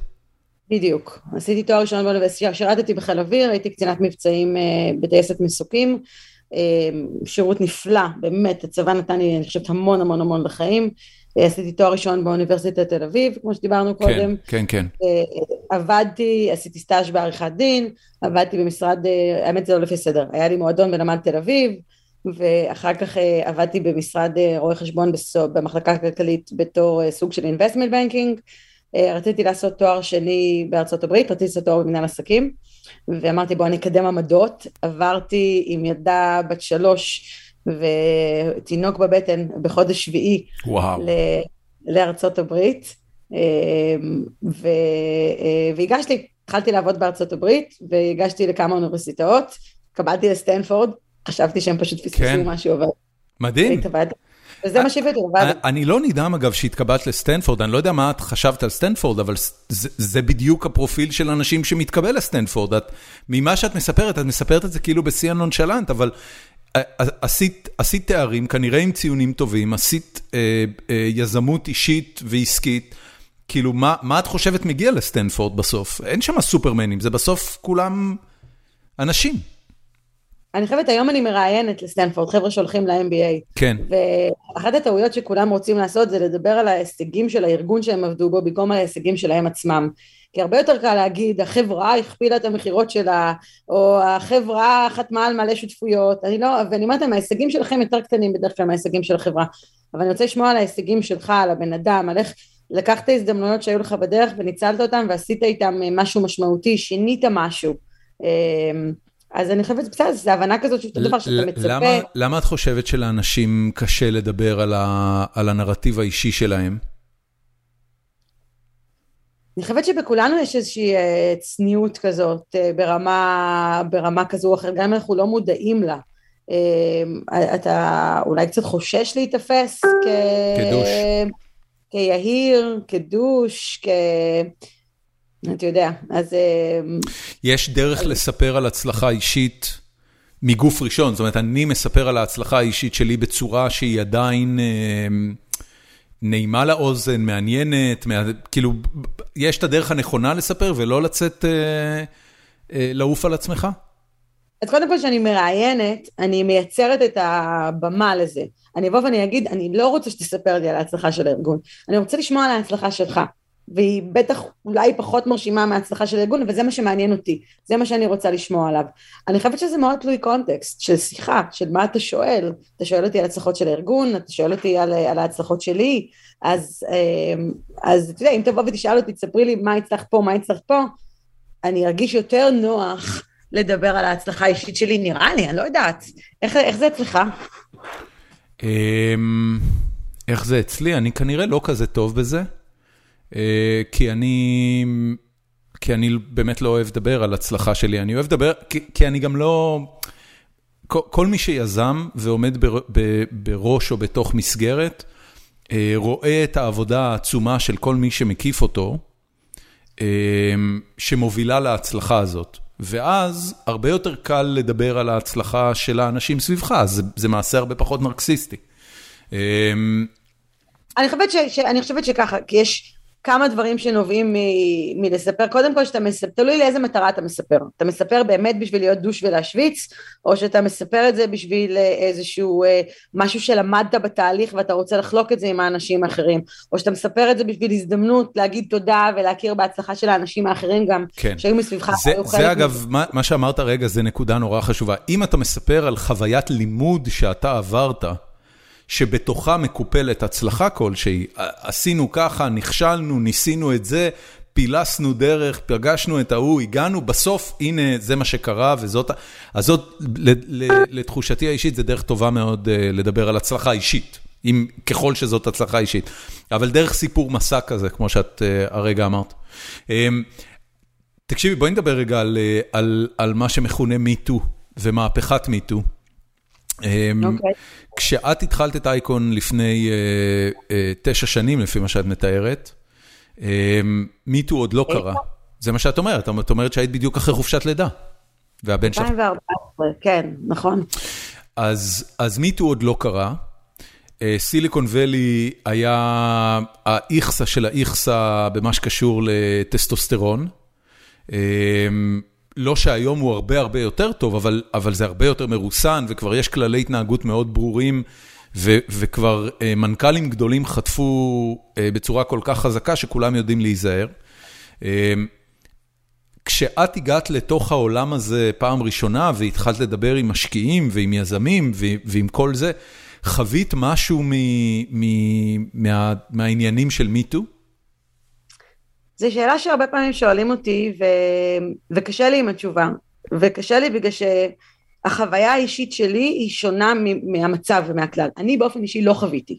אבל זה כאילו מקטין מזה שזה קיים, ושזה קרה, ושזה קרה להרבה אז, נשים. אז אני, אני רק אשאל אותך ככה, למה את חושבת שלא חווית את זה?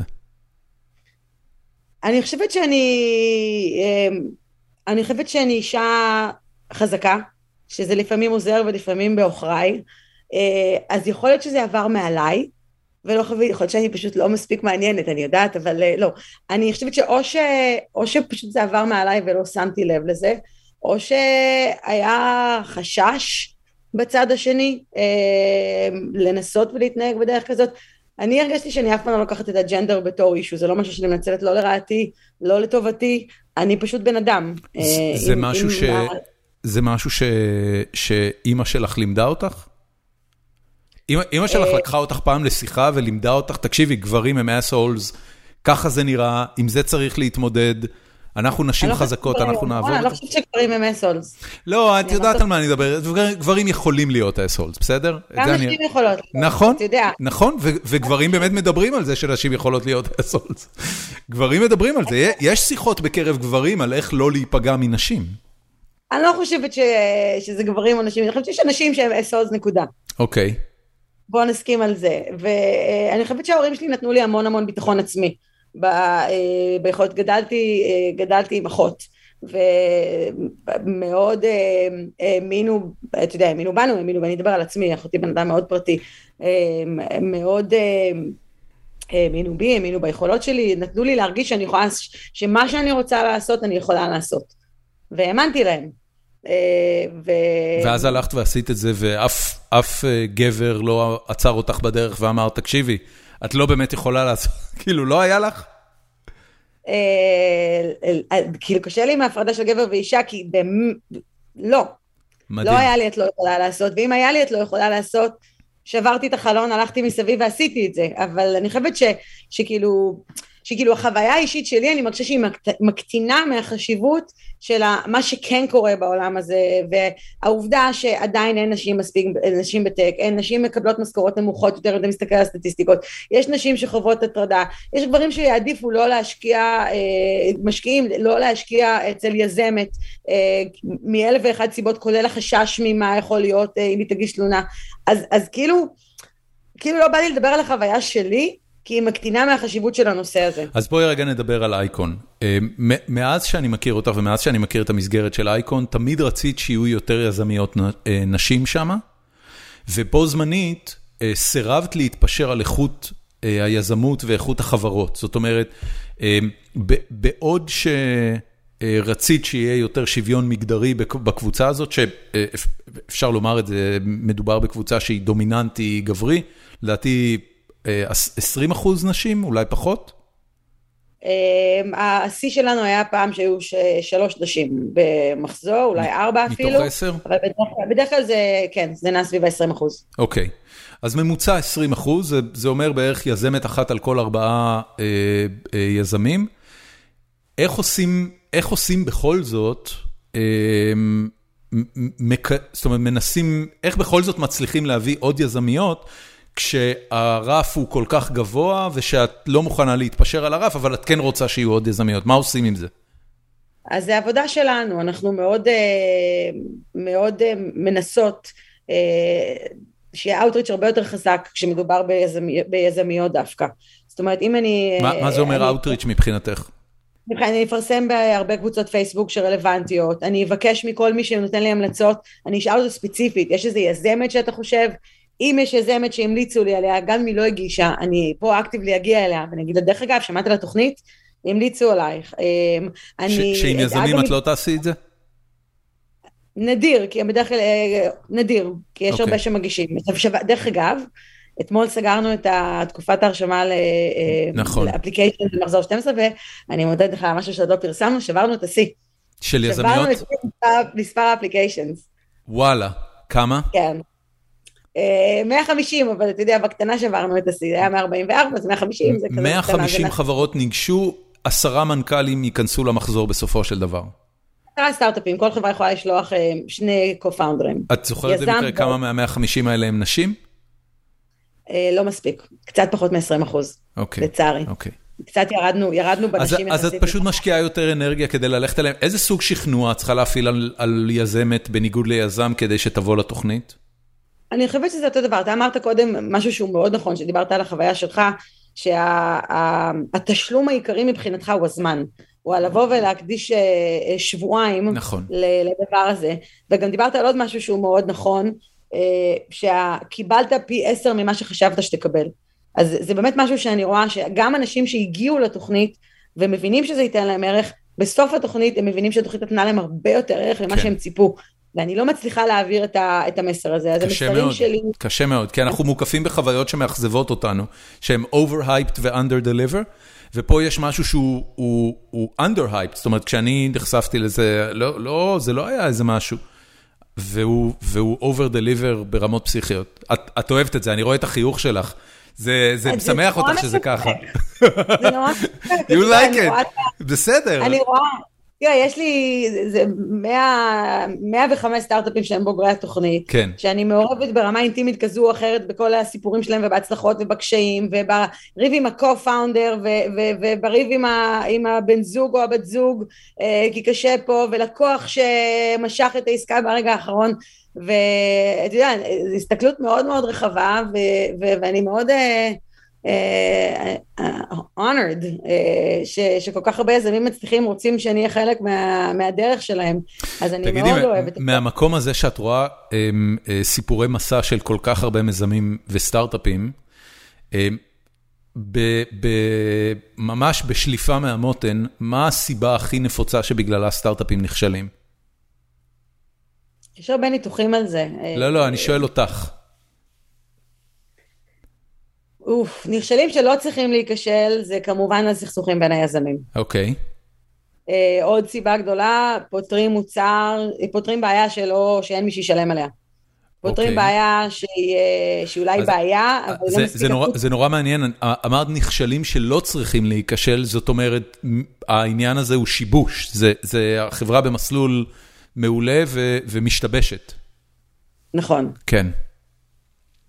נכון, עכשיו יכול להיות שנפרדים והחברה ממשיכה באיזה trajectory טוב בסופו של דבר. וזה שהם פותרים בעיה שלא קיימת באמת, זה סיבה טובה להיכשל בעינייך? זאת אומרת, זו סיבה מוצדקת להיכשל? באמת אתה יודע מה שאני אומרת זה מה זה סיבה מוצדקת ומה זה סיבה לא מוצדקת. לא, זו שאלה מאוד חשובה, את יודעת, אנשים...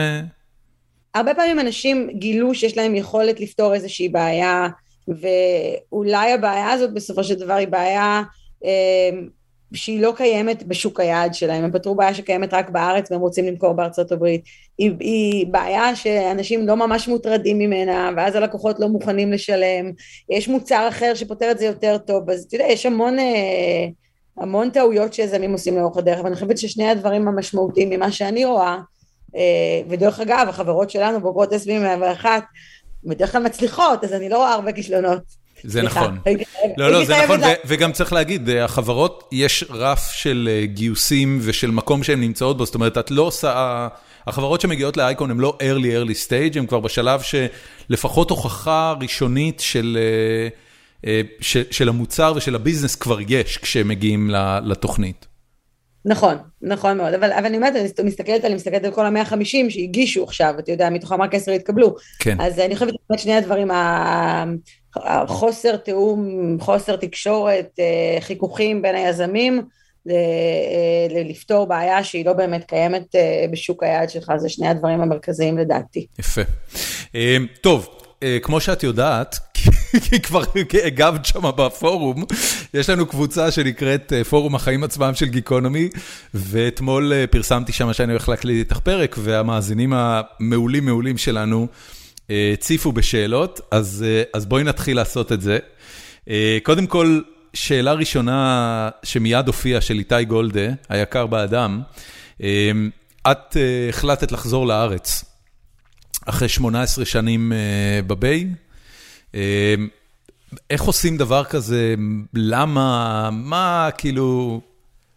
מה? זה היה, כאילו, כל הסיבות, הכל, כל החיצים הופנו לזה שזה הדבר הנכון בזמן הנכון. הבת הגדולה שלי השתחררה והחליטה שהיא רוצה להישאר לגור בארץ. הבן השני סיים כיתה י"ב והחליט שהוא רוצה לעבור לארץ למכינה. האמת אני יכולה לעצור כאן, יש לי עוד 17 סיבות, אבל אתה יודע שיש 50 אחוז מהילדים שלך מחליטים שהם רוצים לגור במקום אחד וה-50 אחוז הנותרים קטנים מדי בשביל אה, אה, להחליט לבד, אז, אז איפה שאתה רוצה להיות, בסופו של דבר, אה, כאילו הילדים שלי זה הדבר שהכי חשוב לי בחיים. כן. ההישג הכי, דיברנו על אייקון, דיברנו על סטארט-אפים, מדברים על כסף, מדברים על מה שאתה רוצה, הילדים שלי זה ההישג הכי משמעותי בחיים שלי. ו- כן. ואני רוצה להיות לידם. אוקיי, אז זה הסיפור, פשוט לראות אותם? אה, גם להיות איתם לא, אבל גם, אתה יודע, הקורונה הראתה לנו שאפשר לעשות כל דבר משום מקום, אז נכון. למעשה אני לא צריכה לוותר על האייקון. אה, ההורים אה, שנמצאים בארץ, המשפחה, הרגשתי שהילדים, שגם אני וגם הילדים מפספסים את, ה, מפספסים את הבני דודים, את הסבא וסבתא ואת החוויה של המשפחתיות המורחבת. בעלי לשעבר מאוד רצה לחזור והוא די היה תלוי בהסכמה שלי. זה הרגיש לי פשוט זמן נכון. איך, אני מניח שאת ביקרת בארץ לאורך כל השנים האלה, אבל... אבל הניסיון הזה של לעבור חזרה לארץ, איך ישראל מרגישה היום ביחס למה שאת זוכרת? אה, אמ, אני לא, אני כל הזמן נסעתי לארץ, במיוחד בארבע שנים האחרונות מאז שהילדה התגייסה. אה, ניסיתי לנסוע המון, לנצל כל הזדמנות, ואתה יודע, גם עכשיו אני באה הרבה לוואלי, אבל... אמ, אז, אז, אז כל שינוי שהיה זה שינוי שהלכתי ביחד איתו. אז להגיד לך שאני גרה עכשיו בארץ ומשהו מאוד מפתיע אותי? לא, לא מפתיע, לא מפתיע אותי. אוקיי. כן. אה, ולשאלה של איתי גולדה, אה, מה חסר לך בארץ ומה חסר לך כשאת בוואלי? הדברים ש... אני חושבת שקודם כל, יש דבר אחד שזה אותו דבר שחסר בשני המקומות, זה אנשים. אנחנו נהיינו סוג של אזרחים גלובליים, עם חברים בכל מקום, החברה הכי טובה שלי מהצבא גרה בבוסטון, יש לי פה בוואלי אנשים שאני אוהבת, יש לי בתל אביב אנשים שאני אוהבת, בארץ בכלל, והבנה כזאת שאיפה שאני לא אהיה, אני לא אהיה ליד כל האנשים שאני אוהבת.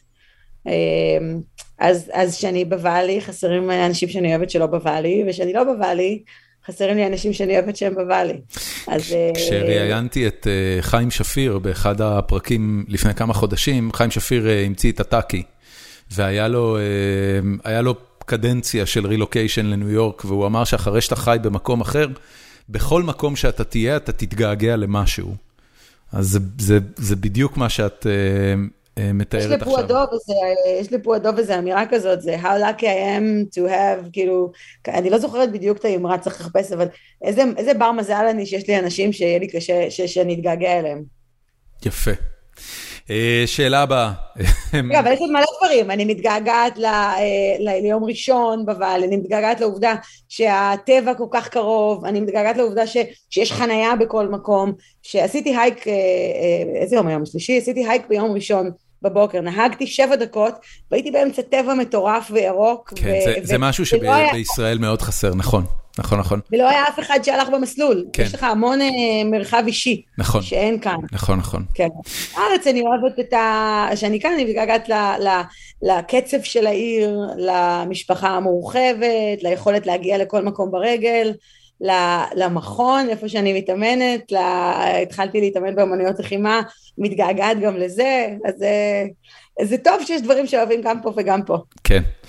אה, אדם השני שואל, למה להשתתף בתוכנית כמו הכרישים, היא לא מרגישה בפורמט רידוד של עבודה אמיתית למשחקי כיפוף ידיים בשביל רייטינג? זו גם שאלה שקיבלה 12 לייקים, זאת אומרת, כנראה שהרבה חושבים ככה. אה, אני שואלת אם אתה מרגיש שזה כאילו כיפוף ידיים בשביל הרייטינג, אני מנסה להיות, זאת אומרת הסיבה שהלכתי, אה, הצטרפתי לכרישים, כמו שאמרתי קודם, באמת בשביל להנגיש את הידע מההייטק ואת הדברים שאנחנו מכירים מסיליקון וואלי ובכלל, שראיתי מאות אלפי יזמים כבר עושים, טועים, לוורטיקלים שהם לא הייטק, לאנשים שיש להם רעיונות, להראות לאנשים שאו שמגיעים או שצופים בנו, שאם יש לך רעיון, בוא תבדוק אותו, ואיך לבדוק אותו ואיך להתחיל, אני אני אנסה להכליל כל דיון, כי אם, אני זוכרת שפעם באחד הצילומים, אני לא יודעת אם זה נכנס או לא, אורן אה, אמר למישהו, רגע, רשמת פטנט? אמרתי, אורן, רגע, בוא נעצור שנייה. אם אני עכשיו בבית ואני רואה את התוכנית ויש לי רעיון, איך אני יודעת אם אני צריכה לרשום פטנט או אני לא צריכה לרשום פטנט? ואם אני חושבת שכן, מה, מה אני עושה? אז ניסינו מאוד, אה, אני לפחות, מנסה אה, להכליל את הדיון כדי שאנשים שרואים יוכלו לעשות עם זה משהו, להסביר מונחים מקצועיים, אתה יודע, אני לא אגיד, אז מה ה-CAC to LTV רשיו שלך, בלי להסביר, להגיד שאנחנו מסתכלים על מוצרים אה, לצרכן, אנחנו, וואי, איזה קול יצא לי, אנחנו רוצים... הכל בסדר. בגלל רק קפה אחד, בגלל זה. אז שאנחנו, אז ואני מנסה להסביר אה, את המונחים מקצועיים, אני, אני באמת מקבלת הרבה פידבק מאנשים גם על רעיונות שיש להם והם... יש, אה, והם יש רוצים. דבר כזה, את יודעת, כשאנחנו גדלנו בשנות ה-80, אז יצאה תוכנית אה, פרקליטי LA, LA לא, וכולם מיד רצו ללכת ללמוד משפטים. ואחרי זה בשנות ה-90 יצא ER וכולם רצו ללכת ללמוד רפואה. יש דבר כזה, אפקט הכרישים במדינות שזה משודר? שכולם רוצים פתאום להיות יזמים? לא מכירה את זה. אתה יודע, הסביבה, הסביבה שלי, אני חווה את זה כן, מאוד. כן. כי כל מי שרואה אותי רוצה לספר לי על הרעיון שלו. אמ, אז, אז אני מאוד חווה את זה. אם יש אפקט הכרישים, וואו, מעניין. כן. לא יודעת, תגידו אתם, יש אפקט הכרישים, מישהו מרגיש את זה? אבל מן הסתם הקוראים, המאזינים אה, שלכם הם, הם, הם מאוד יזמיים. נכון, נכון, גם, גם ישראל היא מלכתחילה Start-Up Nation, ועכשיו אה, פי עשר, כי כולם רק מדברים על כמה... אה, ההייטק זה זה המנוע של הכלכלה והדבר היחידי שמאפשר קיום בכבוד בישראל, אז אני מניח שכולם בישראל אה, מוסללים ליזמות בין אם הם רוצים ובין אם לא. יש לנו ראש ממשלה יזם. יש המון יזמות הייטק, דורון, יש המון יזמות שהיא לא יזמות הייטק, ברור, אמר, אמרתי יזמות, לא הייטק. לא, לא, לא, כן. זה זה, זה באמת עניין של יזמות. אה, יאיר לפיד הוא יזם פוליטי. נכון. ככה, גיא הורוביץ החמוד. אה, שואל, המושב של יסמין בצ'ייס סנטר, האולם של הווריירס, צמוד לספסל הקבוצה האורחת. האם יש small talk עם שחקנים תוך כדי משחק? מה הדבר הכי מצחיק, מעניין, מרגש שקרה לך על הפרקט? אה, אז קודם כל אסור לדבר איתם, כי הם יתלוננו עליי ויעבירו אותי מקום. אז, okay. אוקיי. אז אני לא יכולה לפנות אליהם. יש חמודים יותר ויש חמודים פחות. הרבה פעמים שהגעתי עם הבן שלי הקטן, אז אז החמודים יותר מתלהבים מזה שיושב לידם ילד. אז um, האמת יוטה ג'אז היו הכי חמודים. היה שם את דונובן מיטשל, שהתחיל, והוא התחיל small talk עם הילד שלי, ואמר לו, תגיד, אתה משחק כדורסל? מה יותר חשוב בעיניך, offense או defense? וממש דיברו על זה, אחד נתן לו מסטיק. ככה באמצע המשחק שהקבוצה שלו תופרת על המגרש? כן, כאילו, כן. אוקיי. ישבנו איתו ילד, עכשיו יש כאלה שהם פשוט לא בא לי לך להגיד, לנקוב בשמות, אבל מאוד מאוד ידועים שאסור לך לפנות אליהם, לא מסתכלים עליך, הם כאילו, אתה אוויר מבחינתם. אז השיחה עם יוטה ג'אז הייתה הדבר הכי מגניב שקרה? אני חושבת שלי, וואו, אם תשאל את הבן שלי אז אני משוכנעת שהוא יגיד, כן, גם מישהו עשה לו כזה מסאז'ים, האקדח של המסאז'ים, יש להם אקדח של המסאז'ים, אז הוא עשה לעצמו, אמר לו רוצה לנסות, ועשה לו גם. אז בטח הבן שלי חושב שזה הדבר הכי מגניב. הדבר הכי מגניב לי בכל החוויה הזאת זה לראות את הבנים שלי נהנים. Okay. אוקיי. לראות את האנשים שאני הולכת איתם, איך הם... אה, אני חושבת שזה משהו שכאילו בכלל כיף, אה, כיף נורא לראות אנשים אחרים נהנים. Nice, אה, משפט טוב. זה הכי כיפי, כן. אמ, שגיב אופק שואל, בעולם שבו כבר הכל דרך זום ובהתחשב בעלויות של קליפורניה וה Bay Area, האם יש עוד צורך לנוכחות בוואלי? מה בכלל החשיבות של הוואלי? את בעצמך אומרת שאת יכולה לעשות את אייקון מכל מקום בעולם. אבל עם זאת אני עדיין כאן, אני כאן בערך פעם בחודש, פעם בשישה שבועות, כי אני חושבת שלמרות שאפשר לעשות הרבה דברים מכל מקום בעולם, ויש הרבה יותר אה, סובלנות לשיחות שפעם היית חייב לעשות פנים מול פנים, לעשות אותם בזום היום, עדיין יש המון חשיבות לאינטראקציה אישית. ההשקעות בהייטק אה, בסופו של דבר נעשות בין אנשים, ואתה רוצה להכיר את הבן אדם, אה, את הבן אדם שיושב מולך, ואיך אני, שאני אכיר אותך face to face, ואיך שאני אכיר אותך בשיחת זום, זה, זה אחרת לגמרי. כן. אז, אה, אז, אז אפשר לעשות מודלים היברידיים כאלה של גם להיות פה וגם לא להיות פה, אבל אני חושבת שאין תחליף לנוכחות פיזית ברמה זו או אחרת כאן. יפה. אמ, רועי רמון שואל, כמה אנשים בארץ עוצרים אותך כי יש להם רעיון למיזם שאת חייבת לשמוע? אני רוצה כאילו לקחת את זה צעד קדימה, כי כבר ענית על זה, ולדבר על סטטיסטיקות. כמה פעמים ביום זה קורה? האמת שפחות ברחוב, אה, אני לא יודעת למה, או שאנשים מכבדים כאילו את המרחב הפרטי שלך, או שלא מזהים אותי בלי האיפור והתסרוקת ועם משקפיים ברחוב, הרבה פעמים אני מסתובבת עם משקפי ראייה, והתוכנית לא, לא יודעת, אבל uh, מדי פעם ברחוב, אבל uh, הרבה, ב, הרבה באינסטגרם, כותבים לי בפייסבוק, כותבים לי באינסטגרם, uh, שניים, שלוש ביום בטח. שניים, שלוש, אוקיי. Um, משהו מהם uh, שווה, זאת אומרת, מה, מה את עונה? מה את עושה עם זה? אני אגיד לך, פרופיל ההשקעות שלי מחוץ לתוכנית הכרישים מאוד שונה ממה שאתה רואה בטלוויזיה ומהכרישים. אוקיי. באנו לכרישים למטרות שדיברנו עליהן קודם, או אני לפחות, ואני מסתכלת על החברות שמגיעות לשם, הם בו, חלק מאוד גדול זה, זה לא חברות הייטק, זה חברות של איזשהו מוצר כזה או אחר, ומחוץ לכרישים ההשקעות האישיות שלי הן השקעות בחברות, אה, אה, בחברות הייטק, בדרך כלל בחברות תוכנה, שכבר יש איזושהי תכנות ראשונית וזה לא בשלב של אה, יזם ורעיון, אז, אז מה שאתה רואה אותי משקיעה על המסך זה משהו שאני לא אסתכל עליו כשאני לא בכרישים.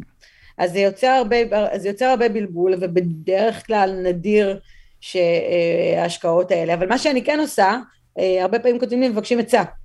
אמ, כתב לי היום מישהו, יש לי רעיון ואני לא יודע אם הפטנט או לא פטנט, אז כתבתי לו משהו, אז אני, כשאני מצליחה באיזה דאונטיים בין לבין, אני ממש מנסה לענות אה, למי שאני יכולה, הרבה חבר'ה צעירים, כאילו תיכוניסטים, אה, חיילים, כותבים על אה, רעיונות שיש להם, אז אה, אני מנסה כמה שאני מצליחה אה, לענות. איך, איך את מסרבת להשקעה?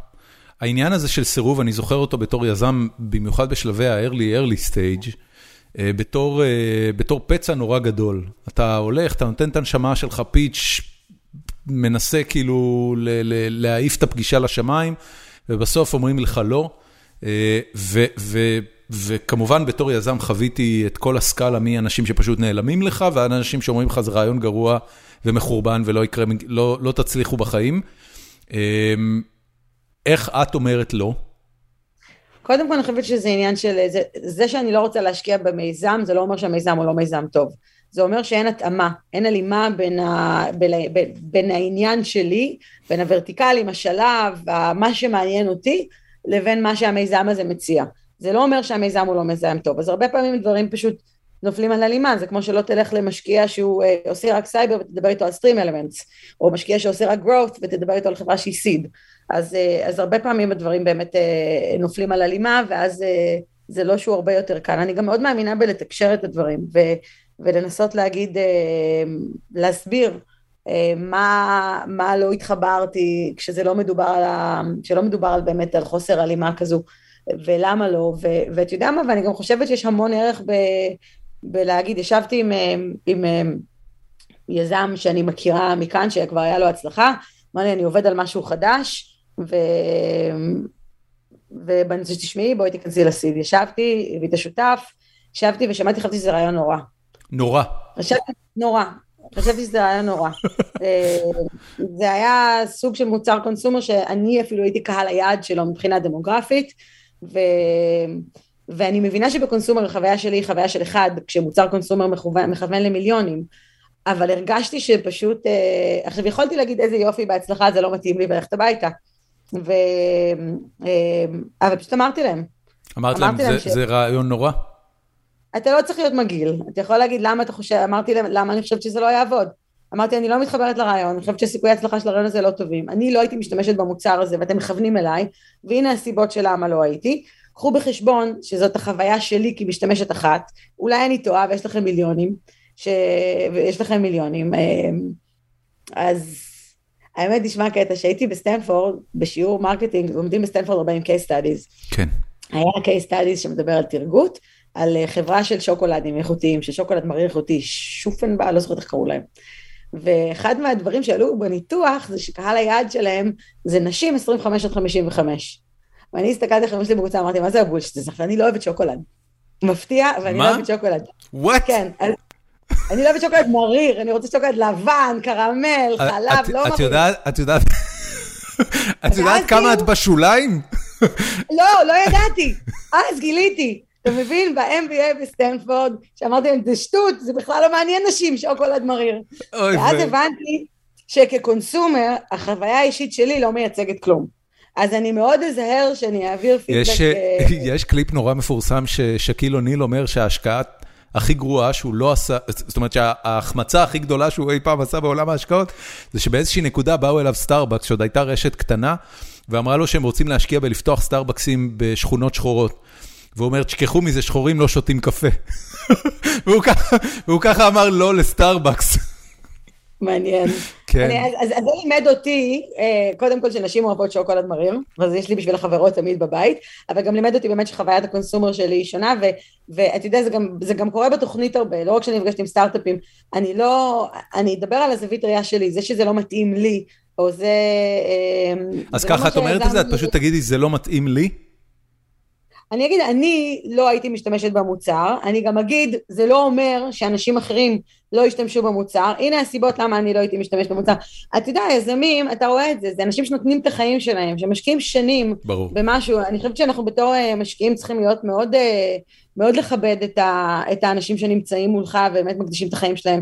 אני לא אוהבת uh, לקטול, אם מישהו מהחברים בפאנל לקטול את היזמים, אני, העונה הזאת כבר מעיזה לבוא ולנסות לשים אותם במקום ולהגיד להם, אל תדברו אליו ככה. אז... אה, אז חלק מהעניין זה באמת לתת את הפידבק. את אומרת בעונה הזאת, כי בעונה הקודמת לא הרשית לעצמך לעשות את זה? אני חושבת שהעונה השנייה שאני מצלמת, שזו העונה השלישית של התוכנית, העונה השנייה שלי, הרגשתי שיצאתי יותר מה, מהקופסה. ש... וזה למה? שאז, אתה יודע, חששתי, חששתי מאוד מהטלוויזיה, מהמצלמות, מאיך אני נראית, מאיך זה יתקבל, כל הדברים ה... איך האיפור, איך השיער, כל הדברים ה... כן. הלא חשובים, איך אני יושבת, ו... והרגשתי הרבה יותר נינוחה, גם עם איך הציעו אותי בעריכה. ר... ראית אז... תוכניות של הכרישים האמריקאי כדי לנסות לגבש לעצמך איזה פרסונה שאת רוצה להיות שמה בפאנל? אני, הרבה פעמים שואלים אותי אם אומרים לנו מה לעשות, אם אה, זה... זה, זה אגב מוביל לשאלה הבאה, אז תני לי רק לשאול אותה ואז אה, אה, נצלול לעומק. נמרוד דורי שואל, כמה מהתוכנית הכרישים זה אמיתי? האם באמת סוגרים עסקאות אמיתיות? האם המשא ומתן הוא אמיתי? אה, דיברנו קצת על due diligence, אז זה בסדר, אה, ומה קורה עם היזמים אחרי התוכנית? אז בואי נתחיל רק לגבי העניין של מה שאנשים מכנים אותו אמיתי. כשיש דרמה, כשיש חילוקי דעות בפאנל, כשיש עימות עם יזם, זה הכל real time, מוקלט? לגמרי, אנחנו בדרך כלל מצלמים קצת יותר ממה שמקרינים, עורכים את האייטם ומורידים חלק מהדברים ועושים איזה אייטם קצר יותר, אבל כל הוויכוחים הם אמיתיים ואותנטיים. עכשיו, שחקנית אני לא. גם אם הייתי רוצה להיות דמות או לבחור דמות מהפאנל האמריקאי או להחליט שזה הדימוי שלי, הסיכויי ההצלחה שזה היה מבוצע בצורה, בצורה טובה הם, הם אפסיים. אני לא יודעת להיות שחקנית, אז, אז, אני, אז אני אני. אתה גם מכיר אותי, ואם ראית את התוכנית, אז אתה, כן. אתה בטח רואה שאני עוברת כמו שאני, והרבה פידבק שקיבלתי מחברים שלי, זה אה, נורא כיף לנו לראות אותך בתוכנית, כי את, כי את עוברת כמו שאת, ואנשים עכשיו יכולים לראות איך את באמת, מעבר לשם ול... ולדימוי, על איך שאת ומי שאת. כן. זה, זה מאוד מחמיא. אה, אני, אני חושב באופן כללי שהערך של אותנטיות נמצא בעלייה בעולם בעשור האחרון, סושיאל מדיה רק עשה את זה עוד יותר משמעותי. ובמובן הזה מי שמצליח להיות יותר אותנטי נתפס כ... כאמין יותר, כטוב יותר, זאת אומרת, לאותנטיות יש חשיבות עצומה. אמ, לא מהלך מתוכנן, זה פשוט חוסר, חוסר יכולת להיות משהו אחר. תגידי, טכנית, כמה תוכניות מקליטים ב- ביום? כאילו, כמה, כמה זמן אתם יושבים שם בכיסאות האלה? אנחנו, יש לנו שמונה ימי צילומים, שלפעמים מתקבצים לשבעה, אנחנו רואים יזמים בערך 12, 12 יזמים ביום, פחות או יותר, בין 12, וואו. ולפעמים קצת יותר, כן. ואז סך הכל כמאה יזמים, ובסופו של דבר העונה הזאת אני חושבת שיהיו 12 פרקים, כל פרק 4-5 אייטמים, נכון? וואו. אז לא כולם משודרים. כן. מאבדים את הסבלנות באיזושהי נקודה? לפני ארוחת צהריים אנחנו נהיים מאוד רעבים. את רואה... את רואה אחרי זה בתוכנית? אה, לא, ואז הם מביאים לנו את המיזמים של האוכל.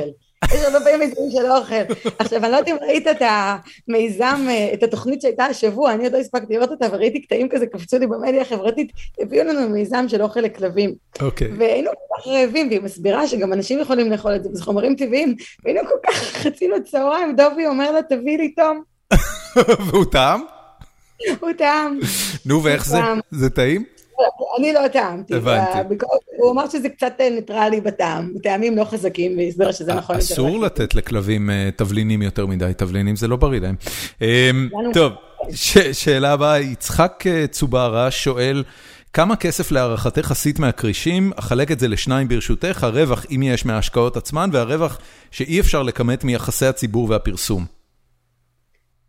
אז קודם כל אני חושבת שבינתיים אני מופסדת ולא מורווחת, אבל אה, אני חושבת ש... זה האמת שלא אומרים. אני אחלק גם את התשובה לשתיים. אני חושבת שמהשקעות עוד מוקדם מדי להגיד. אה, ההשקעות האלה זה השקעות שלוקחות זמן, יש השקעות שאני כבר יודעת ש, אה, שלא, שלא, שלא הלך, ויש השקעות ש-the jury is still out ואנחנו עוד מנסים להבין. אז בואו נחזור על השאלה הזאת עוד, עוד חמש שנים. Okay. אוקיי. ואז אני יודע להגיד יותר טוב מה היה הרווח הכלכלי מההשקעות. מבחינת יחסי ציבור, זה לא... העסק שלי הוא לקדם את ההייטק, את ההייטק בארץ. אז, אז האם יותר יזמים שמעו על אייקון בזכות התוכנית והגיעו להיות חלק מהפעילות שלנו והצליחו? לי אין אה, איזה עניין כלכלי בדברים האלה, אבל אני מנסה בפעילות שלי למקסם לציונות, למקסם לתרומה לקהילה, אז, אה, אז זה העושר שלי בעין ובאלף. כשהיזמים מצליחים. האם יותר יזמים הגיעו בזכות, אה, בזכות זה? אני חושבת שכן. אני חושבת ש, שזה נתן יותר חשיפה לפעילות של אייקון ולעוד פעילויות אחרות. יפה. אמ, יש פה שאלה שהיא כאילו אני אוהבת שאתה אומר יפה, אני מרגישה כאילו שאתה נותן לי... לא, לא, זו תשובה מצוינת, אני אוהב את התשובה הזאת. אה, לא, לא, אני מקווה שזה לא נשמע מתנשא, אני באמת, אה, זו תשובה טובה. אני חושבת שפעם ראשונה ראשונה בחיים שהתראיינתי, אה, אמרו לי, לימדו אותי טכניקה כזאת, שאם שואלים אותי שאלה שאני לא רוצה לענות עליה, אז אני אומרת, שאלה מעולה. כן. ואז אתה מרגיש טוב ששאלת שאלה מעולה, אבל זה לא העניין המרכזי שאתה תדבר עליו. מה שאתה לדבר עליו זה זה וזה. וואי, זה הטיה נפלאה. יש, יש בדיחה כזאת בקרב יזמים, שאם אתה נותן פיץ' למשקיעים, ההבדל בין שאלה טובה למצוינת, זה ששאלה טובה זה שאלה שיש לך תשובה עליה, כי חשבת עליה מראש ואתה יודע מה לענות, ושאלה מצוינת יש לך גם שקף. אמ, שלום ווליך שואל, אמ, הוא, שאל שאלה בשתי חלקים, החלק השני הוא החלק שאני אה, רוצה להעלות, אה, קשור לישראל היום. אה, האם מודל עסקי של עיתון חינם הצליח ומוכיח את עצמו מבחינה כלכלית, או לחילופין, אם היה מגיע לכרישים מישהו עם הצעה כזאת, מה היית אומרת לו עליה? קודם כל עיתונות, תחשוב, זה לא רק עיתון בחינם, זה הקמנו את ישראל היום בתעשייה שהיא תעשייה ב, בירידה מתמדת, יש ירידה נכון. בכמות האנשים שקוראים את העיתונות המודפסת, נכון. והיה מונופול, היה אה, מישהו בתעשייה הזאת שהוא מונופול, היה באותו זמן מונופול מוכרז אפילו. אז עזוב את העיתון חינם, זה היה כל כך הרבה תנאי פתיחה עסקיים אה, קשוחים, שאני מניחה שרק בגלל זה לא הייתי נכנסת להשקעה כזאת בכרישים, המשפחה הקימה את ישראל היום בעיקר מטעמים של, של, שוב, של ציונות, של להביא קול אחר, להביא קול אחר לעיתונות בארץ. אז לא, את, את היית נגיד... בשיחות שבהם דיברו על ההחלטה הזאת? תראה, המעורבות שלי בעיתון הייתה מעורבות בצד העסקי. אוקיי. Okay. אני באתי עם, עם הרקע של ה-MBA, אני לא אשת תוכן, ובאתי והסתכלתי יותר על העסק. האם זה עסק טוב? לא, עסקים אחרים שאני משקיעה בהם עסקים כעסק יותר טוב. אם אנחנו יכולים אה, אה, לעשות פה מהלכים עסקיים טובים, יש לנו צוות הנהלה באמת, אה, באמת נפלא שם בישראל היום. איזה נתח שוק יש היום לישראל היום, ב, לא יודע, בשוק העיתונות? את לא יודעת? אני לא יודעת להגיד לך, אני לא מעורבת ב, ביום יום של העיתון כבר אה, מאז שהקמתי את אייקון. הבנתי, אוקיי. אמ, הלאה. אה, טל שמש רוצה לדעת למה קיקבוקס ומי מנצח את או דובי. וואי, איזה כיף. תתני רק את הרקע, כי רוב מאזיננו לא יודעים במה מדובר. את ודובי הלכתם מכות בקיקבוקסינג?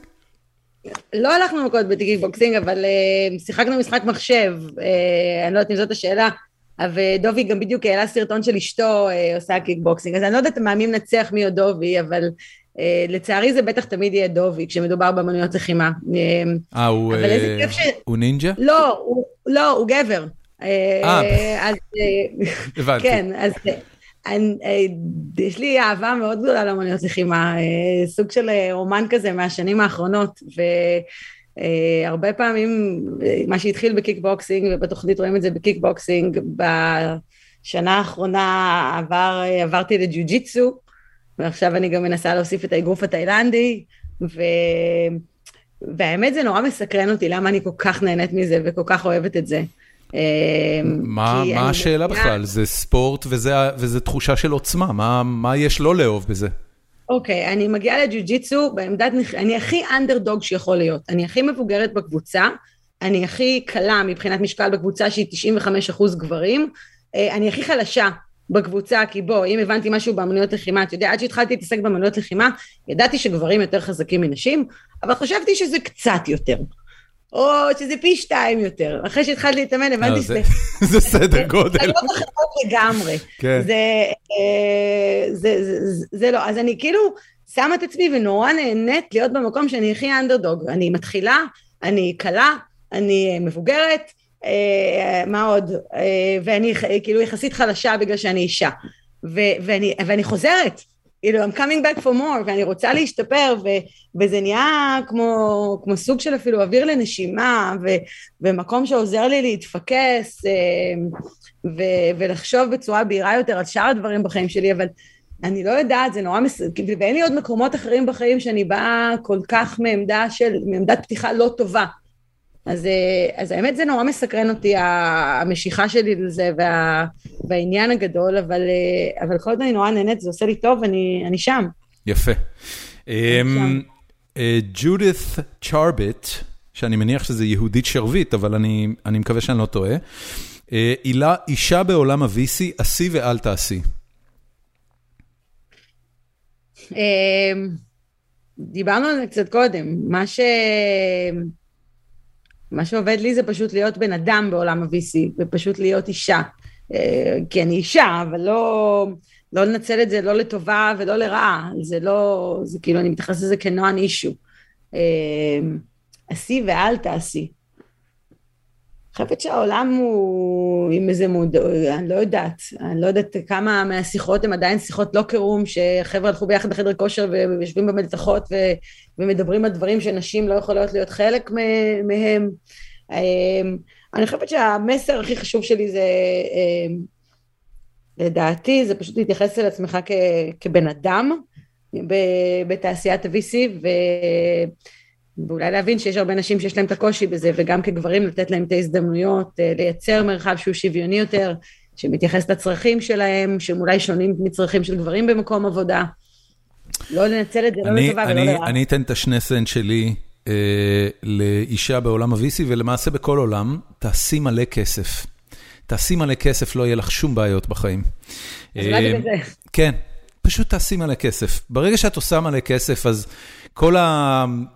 את את קצת נגעת בזה, ואני לא יודע אם זה, אם זאת הסיבה שזו חוויית החיים שלך, אבל אבל, אבל כסף פותר המון בעיות.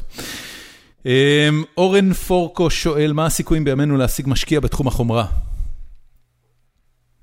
היום הסיכויים, בשבועות האחרונים הסיכויים להשיג משקיע באופן כללי אה, באיזשהו חשש אה, של מיתון, הקרנות יושבות על הכסף, אז, אה, אז נגיד השבוע, בשבועות הקרובים זה לא נראה לי זמן טוב לגייס נקודה, אבל אני לא רואה שוני בין, בין חומרה ותוכנה, רק אני חושבת שצריך להיות הלימה, ואתה צריך לדבר עם משקיעים שמתעניינים בחומרה. מעולה. אה, אני אני מתחיל לרוץ על זה מהר, כי עוד נשארו הרבה שאלות, לא שמתי לב. אה, האם לדעתך העלאת הריבית תפגע בהייטק בישראל?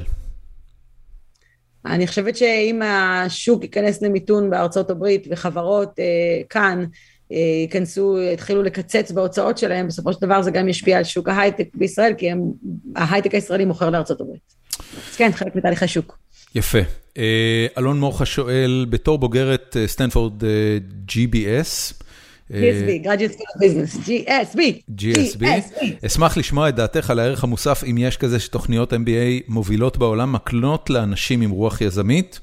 אה, האם את מזהה קורלציה בין יזמים עם ניסיון בחברות ייעוץ אסטרטגי, לבין אה, יתרון בפיצוח שוק, בניית תוכנית אסטרטגית ומודל עסקי? אז קודם כל לגבי הסטנפורד GBS. GSB. GSB, סליחה. GSB, זה בלב, זה קעקוע, GSB. אמ, אם אני רואה, כאילו, אני מרגישה שלי זה נתן הרבה דברים, נתן לי קר להתנסויות אה, נרחבות, ב-GSB בסטנפורד, בגלל שזה בסיליקון וואלי, מגיעים המון המון אנשים שמלכתחילה יש להם נטייה יזמית, ואני חושבת ש-40% מהכיתה אחרי זה הולכים ומתחילים איזשהו מיזם שלהם, או שרוצים להיות מעורבים במיזם, או נכנסים לתעשייה הזאת בדרך כזו או אחרת, שזה הרבה יותר גבוה מאוניברסיטאות אחרות. אמ, זה נתן לי הרבה אמונה ביכולות שלי, כי אם סטנפורד הכניסו אותי, אז כנראה שאני בסדר. זה נתן לי נטוורק מטורף של אנשים שמכל העולם, בתפקידים שונים, שאתה יכול להתייעץ איתם ולדבר איתם, אה, גם הבוגרים, גם אנשים שהיו איתי בכיתה, וכן, הרבה חומר לימודי מי, והרבה... מי היה הבוגר ש... הכי מוצלח במחזור שלכם, במבט לאחור? איך אתה מודד הצלחה? אה, בכירות וכסף, במקרה הזה. אני לא מודד ככה הצלחה, אבל בכירות וכסף. זה שני דברים שונים, אחד מהחבר'ה מהכיתה שלי הוא שר האוצר של אנגליה היום. אוקיי, מה שנקרא בום. עמד מבטיח אה, לרשת את אה, ג'ונסון יום אחד. וואו, כן. אוקיי, אוקיי.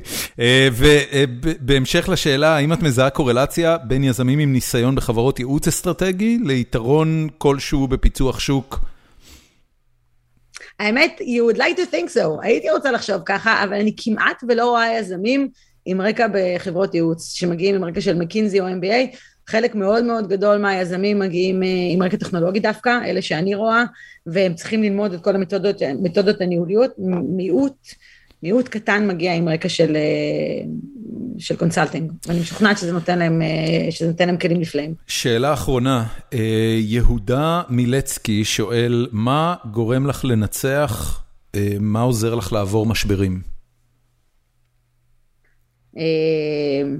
וואו. האנשים שמסביב, היה לי איזה משבר בזמן האחרון אישי, ואני חושבת שפתאום מה שמצאתי את עצמי, אתה יודע, גם בתור אישה חזקה, אנשים מניחים שאתה יודע להתמודד עם הכל, שבאתי לחברים שלי ואמרתי, קשה לי.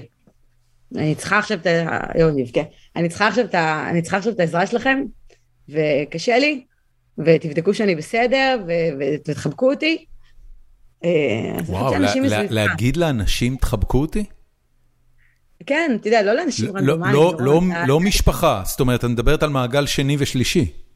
אני מדברת על מעגל ראשון של חברים, לא, okay. אוקיי. לא המשפחה, אבל אתה יודע, יש לך אנשים שהם חברים קרובים שלך, שאתה חולק איתם את מה שעובר עליך בחיים, ו, ולבוא ולהגיד, אולי אני נראית אישה חזקה, ואולי נראה שהכל under control, אבל, אבל נורא נורא קשה לי עכשיו. וואו. ותנסו לי ותבדקו שאני בסדר, ותתקשרו, וזה כאילו, ההבנה הזאת שאתה יכול לעשות את זה, היא הייתה לי מאוד, אה, מאוד משמעותית, אז אני חושבת שבסופו של דבר, להסתכל על הילדים שלי בבוקר, לראות אותם עוד ישנים, זה הדברים שנותנים לי כוח, והאנשים שמסביבי. אה, הדבר הזה, את יודעת, המקום הבטוח הזה שבו את יכולה לבוא לאנשים בחיים שלך, ולהגיד להם, אני לא במצב כל כך טוב, תחבקו אותי, והם כמובן מגיבים, זאת אומרת, את מקבלת את מה שאת צריכה לקבל מהם. הייתה נקודה בחיים שלא היה לך את זה? אני חושבת שאולי הייתה נקודה בחיים שלא הייתה לי את היכולת לבוא ולהגיד את זה. כי יש, אה, אתה יודע, לכל אחד יש את החברים, יש את רחלי, חברה שלי מבוסטון מהצבא, זה, זה, אנחנו 30 שנה כן. כאילו שלא נפרדנו ובאותו חדר, אז אה, אני חושבת שאם יש משהו שעם הזמן אה, התפתחתי אליו, ה-evolve to it, זה היכולת לבוא ולהגיד, אני צריכה, אני צריכה אותך עכשיו, אני צריכה עזרה עכשיו. זה, זה היה מעורב, זאת אומרת, זה, זה היה כרוך בטיפול אישי שעשית כדי להגיע למקום הזה? אה, לאו דווקא, אני לא יודעת אם אני יכולה להצביע על... אה, להצביע, אולי פעם אמרתי, זה... לא, לא, לא, לאו דווקא בטיפול, אולי איזושהי הבנה שהאנשים דווקא כן נמצאים שם בשבילך, אבל הם לא יודעים, הם מניחים שאתה בסדר. אה, אולי יותר הבנה של, שהתדמית שלי, שכאילו שהיא תדמית גם בעיני אנשים שקרובים אליי, כמישהו ששום דבר, מישהו חזק, שמשהו שדברים לא נוגעים בו, וזה לא נכון. אני... אני בפנים רכה, אה, אני דובי חמוד. אז, אה, אז, אז, אז ההבנה שיש הבדל אולי בין איך שאנשים רואים אותי ל, ל, למה שאני בפנים. ואני לא מתבייש, ואתה יודע, ולא להתבייש גם להגיד אני חלשה. זה באמת לא היום אני חלשה, היום כן. לא קל לי. אמ, מדהים. אני רוצה לשאול אותך שאלה אחרונה, אימא שלך, אה, זאת אומרת, המשפחה באופן כללי, יש מעורבות פוליטית מאוד גבוהה שם. אה, בכל השנים שאני מכיר אותך, לא ראיתי אותך אומרת מילה או מעורבת בכלל בפוליטיקה. זאת אומרת, הגישה שלך היא אה, כמעט גישה אמריקאית של אה, ישראל היא מצוינת, וכל מה שקורה בישראל, כן, הילדים קצת רבים, אבל בסך הכל הכל בסדר. יש אצלך איזשהן אספירציות או, או מודעות פוליטית? לא מודעות, מודעות ברור שיש. אספירציות. אני... האספירציות שלי לעשות למדינת ישראל טוב, לראות איך אני משפרת את החיים בארץ. כרגע אני עושה את זה עם אייקון, אני עושה את זה עם ארגון חדש שהקמתי שקוראים לו Code for Israel, שרותם את ההייטק לפתור בעיות של המגזר השלישי, בכלל לא דיברנו עליו, יש לנו פרויקטים אה, מדהימים. אה, אנחנו מביאים אה, מתנדבים מההייטק לפתור בעזרת טכנולוגיה בעיות של, שעמותות וגופים חברתיים אחרים מתמודדים איתם. אה, אם יש לנו זמן אפשר גם לדבר על זה טיפה, כי זה, כי זה נפלא. אז, בואי שתפי. אז... אני, אני, אני אשים אגב לינקים לכל הדברים האלה ב, אה, בעמוד של הפרק, אלה, אלה שמאזינים לנו, פשוט תפתחו את התיאור של הפרק ותראו שם לינקים לדברים האלה. מה זה Code for Israel? אני ראיתי את אירוע ההשקה, אבל... בגדול מה, ש... בגדול מה שאני מחפשת, אם נחזור לשאלה שלך לפוליטיקה, אני רוצה, אה, אני מנסה לעשות שמדינת ישראל תהיה מקום יותר טוב, וכרגע אני עושה את זה דרך, אה, דרך הפעילות החברתית, ואני חושבת שזה מקום אה, נפלא, שאפשר אה, באמת להוביל שינוי איתו, כמו שהובלנו פה דברים שאתה מכיר ואתה רואה כן. בקטע של ההייטק. אני, אני לא רוצה כאילו לצבוע את הפעילות החברתית הזאת בדעות פוליטיות כאלה או אחרות, אז, כי זה פשוט לא, היא לא פעילות פוליטית, אז אני כן באמת נזהרת מלהביע את הדעות האישיות שלי, בצורה ציבורית, אבל נשב לבד ונדבר על, על כמה פוליטיקה שאתה רוצה. טוב. אז בואו נדבר רגע על Code for Israel. קדימה. על Code for Israel זה, אה, שוב, זה ארגון הלא מטרת רווח, אה, שבאמת המטרה שלו, מה שראינו באייקון, הבנתי את הכוח של הקהילה, אתה גם דיברת על הקהילה, איך בקהילה אחד ועוד אחד זה בכלל שלוש ולא שתיים, ולאייקון אנחנו קוראים paid forward community, אני לא מבקשת ממך שום דבר, אני רק מבקשת ממך שתעזור לאחרים שאתה יכול. ואמרנו בוא נראה איך כקהילה אפשר לעשות paid forward מחוץ לקהילה גם, מה עוד אנחנו יכולים לעשות. אמ, ההייטק פותר המון המון בעיות אה, בכל העולם, בואו נראה איך אפשר להביא אותו לבעיות בבית. אז, אמ, אז הלכנו ודיברנו עם הרבה גופים חברתיים, בחרנו בעיות שיש לגופים האלה ואפשר לפתור עם טכנולוגיה, גייסנו מתנדבים מהמגזר הטכנולוגי, הקמנו צוותים כאלה, והם עובדים. אז uh, בשנה האחרונה העמותה עובדת על 12 פרויקטים, ואני אתן לך תכף כמה דוגמאות, כי זה מדליק, ובימים אלה אנחנו בתהליכים של uh, למצוא את הפרויקטים לשנה הבאה. לעבוד על עוד פרויקטים, גם כי הגיעו עוד מתנדבים ואנחנו רוצים עוד פרויקטים, גם כי חלק מהפרויקטים כבר לקראת סיום. אז uh, אני אתן לך דוגמה אחת, uh, עמותה שבטח כולם שמעו עליה, עמותה בשם השומר החדש, שמתעסקת ב... כן, היה, היה פרק, אה, כאילו ראם אה, הקליט פרק איתם בפודקאסט הזה. מדליק, אז אתם בטח יודעים שהם אה, מתעסקים הרבה במניעת גנבות חקלאיות. כן. אנחנו צירפנו להם גם של יבול וגם של בקר, אנחנו צירפנו להם צוות שפיתח עבורם גם איזשהו סוג של חיישן שהוא אפקטיבי וזול ויכול להתריע אם מגיע רכב, אם מגיע רכב ועוצר, וגם סוג של GPS לפרות אפשר להגיד, איזה משהו שהולך על הפרה ואז אתה יכול לדעת אם לקחו אותה, אם הורידו את זה ממנה, אם הרגו אותה, אז, אז שוב זה מקל פשוט על העבודה שלהם. מהמם. עבדנו עם, כן, אנחנו עובדים עם עמותה בשם מידות, כמו דיברת קודם על הציון של המסעדות. כן. אז הם עושים אותו דבר אבל לעמותות. הבנתי. הם רוצים למדוד את ה... ואנחנו עוזרים להם בפיתוח הכלים הטכנולוגיים כדי לעשות את זה. וואו, אוקיי. בקיצור, אוקיי. social impact, אבל את מנסה ל- ל- ל- לשמור את הפעילות שלך אה, אה, ממקומות שהם, אה, שהם פרובלמטיים או מגזריים או משהו שהוא לא אה, חיובי, רק, רק כי אחרת זה פוגע במטרה עצמה. אני לא חושבת, אנחנו ב-Code for Israel כן ניקח אה, פרויקטים שמתעסקים בקהילה הערבית, מתעסקים בקהילה החברתית, זה לא... לא, אבל במו, ב, התכוונתי במובן הזה, בנקודות החיכוך בין מגזרים, לזה התכוונתי. אה, להימנע מנקודות החיכוך בין מגזרים. טוב, יסמין, זמננו תם.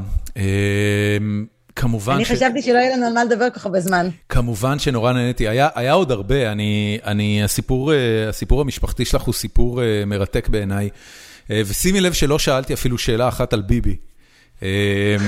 ולא שלא היה לי שאלות לשאול על ביבי, אבל פשוט חשבתי שיש הרבה דברים מעניינים אחרים לדבר עליהם. על מה תמליצי לנו לסיום? אפשר לראות אותך? בכרישים, אה, מישהו יזם ורוצה להצטרף לאייקון, אז בדיוק עכשיו נסגר מחזור, אבל נפתח אחד אה, מיד, אה, מיד אחריו. בקיץ נפתח את ההרשמה למחזור 13 של תוכנית אה, SV101, אבל כל יזם ישראלי מוזמן להירשם להיות חבר באייקון. פשוט ממלאים טופס, כל יזם שהוא כבר פעיל כיזם יכול להיות חלק מזה ולהיות מוזמן לאירועים ודברים שאנחנו את כבר יודעת אם תהיי בעונה הבאה של הכרישים? עוד לא הזמינו אותי, מה אתה אומר? ברור, איזו שאלה. מי יש להם חוץ ממך? הלוואי שיביאו עוד נשים. כן, אמרת להם? ברור, כל הזמן. האמת ומה- שה... ומה הם אומרים? בכלל, בהתחלה הם התקשרו אליי, ושרצו שאני אבוא, מי שעשה את הקאסטינג, אמרתי, תקשיב, אין סיכוי, אני לא הולכת לעשות טלוויזיה, אין שום סיכוי. וכנראה שהוא היה איש מכירות טוב, אבל התפתחה שיחה, אה, והוא סיפר לי על הפונדקאות שהוא עושה כרגע בהודו, ו- ואז הוא אומר, תקשיבי, תעשי טובה, את לא רוצה, תעזרי לי למצוא אישה. לזה, בואי, בואי נעשה פגישה, בואי ניפגש לקפה ו- ותעזרי לי למצוא אישה, נעשה brainstorming על מי אפשר להביא. אמרתי, טוב, בסדר, ואז כבר כאילו, איכשהו... הוא בישל אותך נגררתי- כמו לובסטר. בישל אותי נפלא, והקטע שגם ראיתי את זה קורה, זיהיתי את מי ה... הבישול. רגע, את, את רוצה לתת לו קרדיט? כי מגיע לו, זה הישג מקצועי, מה שתיארת רגע. זה hustling, זה יזמות. ככה עושים hustling. אני חושבת, אם אני זוכרת נכון, אנחנו כבר לא בקשר כמה שנים, אני חושבת שקראו לו דן, אבל אני לא בטוחה. טוב. אמ, Code for Israel, תתני לי את הלינק, תחפשו בזה של הפרק. יש עוד מקומות שאפשר אה, לראות ולשמוע אותך? אה, בחיים, בחיים עצמם, מה זאת אומרת? כאילו פה, אצלך בפודקאסט. טוב. לא יודעת, איפה כדאי? אמ, אני חושב שצריך להיות, אה, לך ולכרישים צריך להיות פודקאסט משל עצמו. יש סיפורים מעולים שצומחים שם. אבל זה לא כבר קשת, זה עם התוכניות שלהם. אני לא יודעת אם הקרישים, הייתי עושה דווקא לאייקון, רציתי לעשות הרבה פעמים אייקון, חושבת שאני רואה כל כך הרבה יזמים, וכל אחד מהם זה יכול לתת, אתה יודע, המון עצות ליזמים כן, אחרים, כל אחד כן, מדבר כן, על כן. המסע. אני, אני גם אגיד לך משהו, ש, משהו שלדעתי כאילו טיפה מוחמץ בכרישים, ה- הכרישים מתמקד ב, בנקודה מאוד מאוד ספציפית בזמן שהיא נקודת הפיץ'. והיא נקודה נורא כיפית והיא נקודה נורא מעניינת, זה סוג של אודישן, כאילו יש שם, אבל היא לא, היא לא מתמקדת במסע, זאת אומרת בניגוד למשל לריאליטי של מוזיקה שיש לך את האודישן, אבל אחרי זה יש גם את כל המסע במהלך התוכנית, בכרישים לא רואים את המסע שעוברים היזמים ושבסוף מוביל אה, להצלחה שיכולה להיות באמת מטאורית וגדולה, או ללא. וזה משהו שפודקאסט יכול ללוות אותו, אבל, אבל בסדר, לאט לאט, יגיעו, אני בטוח, סומך על מאקו. עשיתי, אחרי שיצאה העונה הראשונה, עשיתי איזה סיבוב כזה של הרצאות בברים לאנשים שמתעניינים ביזמות וטכנולוגיה. היינו באופקים, בנתיבות, אה, במקומות שבדרך כלל הדברים האלה לא מגיעים אליהם. מי זה היינו? מי, מי עוד היה מהצוות? לא היה מהצוות, אני הייתי מהצוות, היו, כאילו, הצטרפו אליי חברים, אז אה, היינו, אבל אני הייתי, אני דיברתי, חושבת אוקיי. שעשינו את זה בשיתוף עם, אה, עם וויז, והיה היה לי נורא כיף. אני נורא נהנית, אני בן אדם של תראי. אנשים. והיה לי כיף כאילו לדבר עם האנשים. אז תעשי יותר, את לא צריכה לעשות כלום, רק תמשיכי, זה הכל בסדר. תראי, המומנטום הזה נבנה, זה לא סתם שהגעת לאיפה שהגעת. זהו, יסמין. הגעתי, כן. תודה רבה רבה שבאת, תודה שהסכמת. תודה לך, לקח כמה שנים, עשית הסלינג טוב. הכל בסדר, אני, we play the long game. נדבר בקרוב, ביי.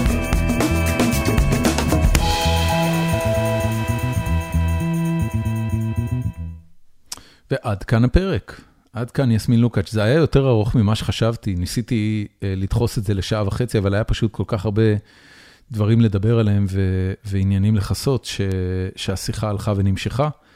מקווה ששרדתם עד לפה. החפירה שלי היום מוקדשת לשתי המלצות ועניין אחד לסדר היום. ההמלצות הן על אלבומים. אני כמעט ולא מאזין למוזיקה בתצורה של אלבומים. אחד הדברים ששירותי המוזיקה בסטרימינג עשו לנו בשנים האחרונות זה הרגו את הקונספט של לקחת אלבום כשהוא יוצא, לקלף את הניילון, לשים אותו ב-CD או לשים בתקליט ויניל ולהקשיב לו עם המילים. ואני רואה שספוטיפיי לאט לאט מנסים לחזור לעניין הזה, הם הוסיפו מילים לשירים, לפחות להרבה שירים בעת האחרונה, אבל, אבל כנראה שנגזר עלינו להאזין לאלגוריתמים שבוחרים עבורנו מה יהיה השיר הבא, או לרשימות שערכו עבורנו musical curators, עוצרים מוזיקליים, שזה קטגוריה שהולכת ותופסת תאוצה ומסוגלת ממש לפרנס אנשים, כי אם בעבר היית צריך, כמוזיקאי, היית צריך לשכנע איזה די-ג'יי להכניס אותך לפלייליסט שלו, אז היום אתה יכול לשכנע עשרות אלפי משפיעני מוזיקה להכניס אותך לפלייליסט שלהם, ויש מגוון עצום של פלייליסטים, כולל אחד שאובמה מפרסם כל קיץ. ואני חושב שזו קטגוריה נורא מגניבה מצד אחד, מצד שני אני עדיין, יש משהו נורא סנטימנטלי שאני אוהב בעניין הזה של להאזין לאלבום. אז, אז שני אלבומים שיצאו לא מזמן, אחד מהם יצא ממש לפני שבוע או שבועיים והשני לפני איזה חודשיים או שלושה. האלבום הראשון זה האלבום של, האלבום האחרון של ה-Red Hot Chili. נחשפתי אליו בעקבות זה שפלי נגן בלהקה. שהוא שהוא גם מסתבר שחקן קולנוע. אני חושב שהוא היה ב, ב, בסרט האחרון של מארוול, אבל אני לא בטוח. אז אז פלי התארח בפרק של הפודקאסט האהוב עליי, What the fuck with Mark Maron, ומעבר לזה שהוא אישיות מרתקת ובן אדם מגניב, אז הוא דיבר קצת על האלבום החדש של ה-Red Hot Chili Peppers, והלכתי והאזנתי לו.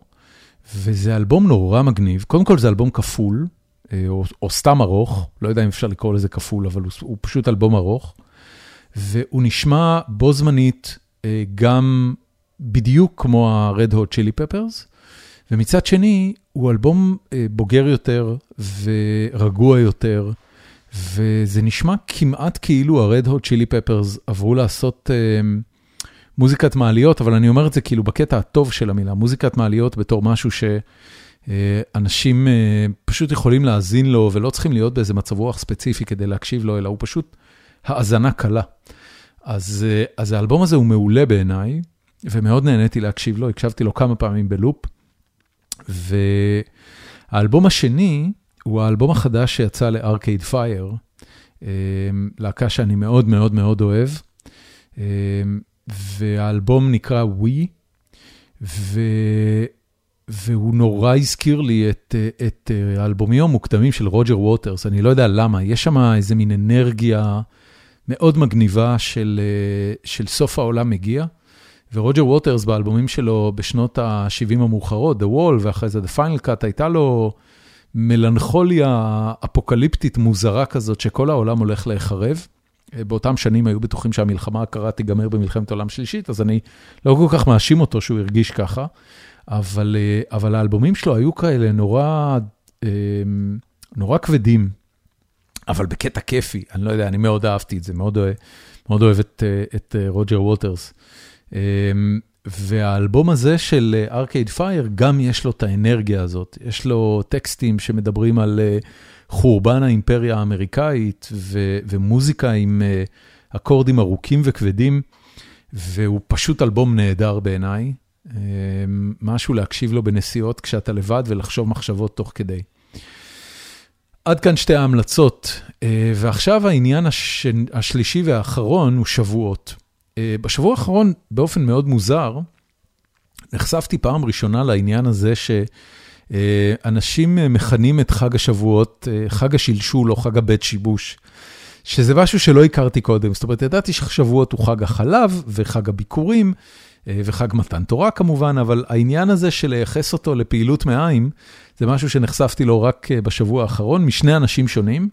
האחד הוא מנכ"ל של סטארט-אפ שאני בקשר איתו בשם אורן קנדל, שבאיזה שיחה זרק פתאום לבן אדם בצד השני, ניסה להסביר לאמריקאים מה זה חג שבועות, והסביר לו שבגלל הצריכה המוגברת של מוצרי חלב, החג הזה מיוחס לו תכונות של בית שימוש.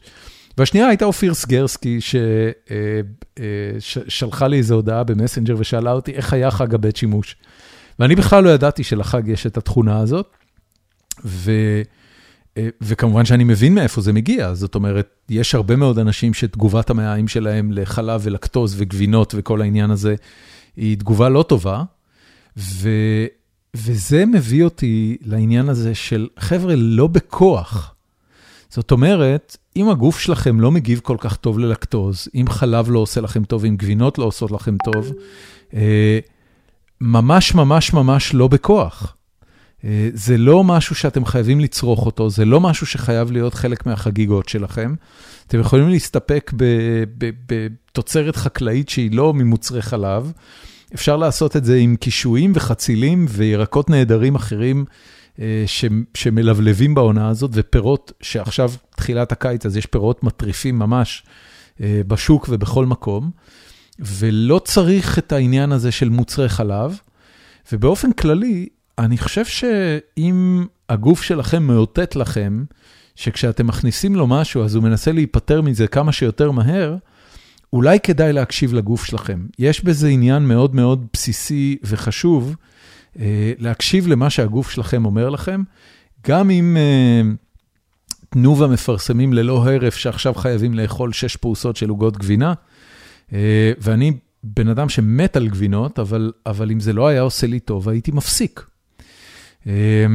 ואם אנחנו כבר בענייני שבועות ו, ובית שימוש, אז זאת הזדמנות מצוינת לתת במה לקמפיין שהפיקה חוות החופש, ו, ולא זכה להיות משודר ב, ב, בין התוכניות ב, בערוצים המסחריים בישראל. כי הפלא ופלא הרשות השנייה פסלה אותו. הקמפיין מדבר בעצם על האכזריות הרבה של תעשיית החלב, והוא קצת מוציא את הכיף מכל עניין החלב והגבינות והצריכה המוגברת שלהם בחג שבועות.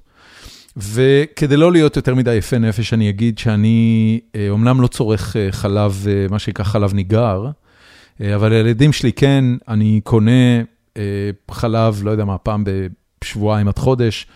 אני בוודאי מאוד אוהב גבינות, אני אוהב גבינות שמנות בעיקר. ואני לא צדיק גדול בעניין הזה של לא לצרוך, אבל אני כן מכיר בעובדה שצריך לעשות את זה בצורה הומנית, ויש, לפחות פה בארצות הברית, יש כן חוות שמפיקות גבינה וחלב בצורה הומנית. והקמפיין הזה הוא לדעתי קמפיין חשוב, גם אם הוא, גם אם אתם לא לוקחים את זה כפשוטו ולא מקטינים את צריכת החלב שלכם, אני חושב שכן חשוב לדרוש, גם בישראל, ממחלבות ומיצרני גבינה שיקפידו על ההומניות שבה הם מגדלים את הפרות והעיזים והכבשים שלהם, שידאגו שהן אוכלות טוב, שהן מסתובבות, מה שנקרא grass fed פה בארצות הברית. שהן רואות חופשי באחו, ושהחיים שלהם הם לא להתבוסס במכלאה מלאה בקקי של עצמם. ולכן אני חושב שהקמפיין הזה חשוב. לקמפיין קוראים שבועות זה בכלל לא חג של חלב. בבקשה, לכו ליוטיוב, זה זמין שם, תודה לאל, אף אחד מאיתנו לא צריך את הערוצים המסחריים שיגידו לנו מה אנחנו יכולים לראות ולא לראות. לכו תראו את הפרסומת הזאת, תקדישו לזה קצת מחשבה. דברו על זה קצת עם חברים, ואל תכניסו לגוף שלכם משהו שלא עושה לכם טוב. עד כאן להפעם, נתראה בפרק הבא.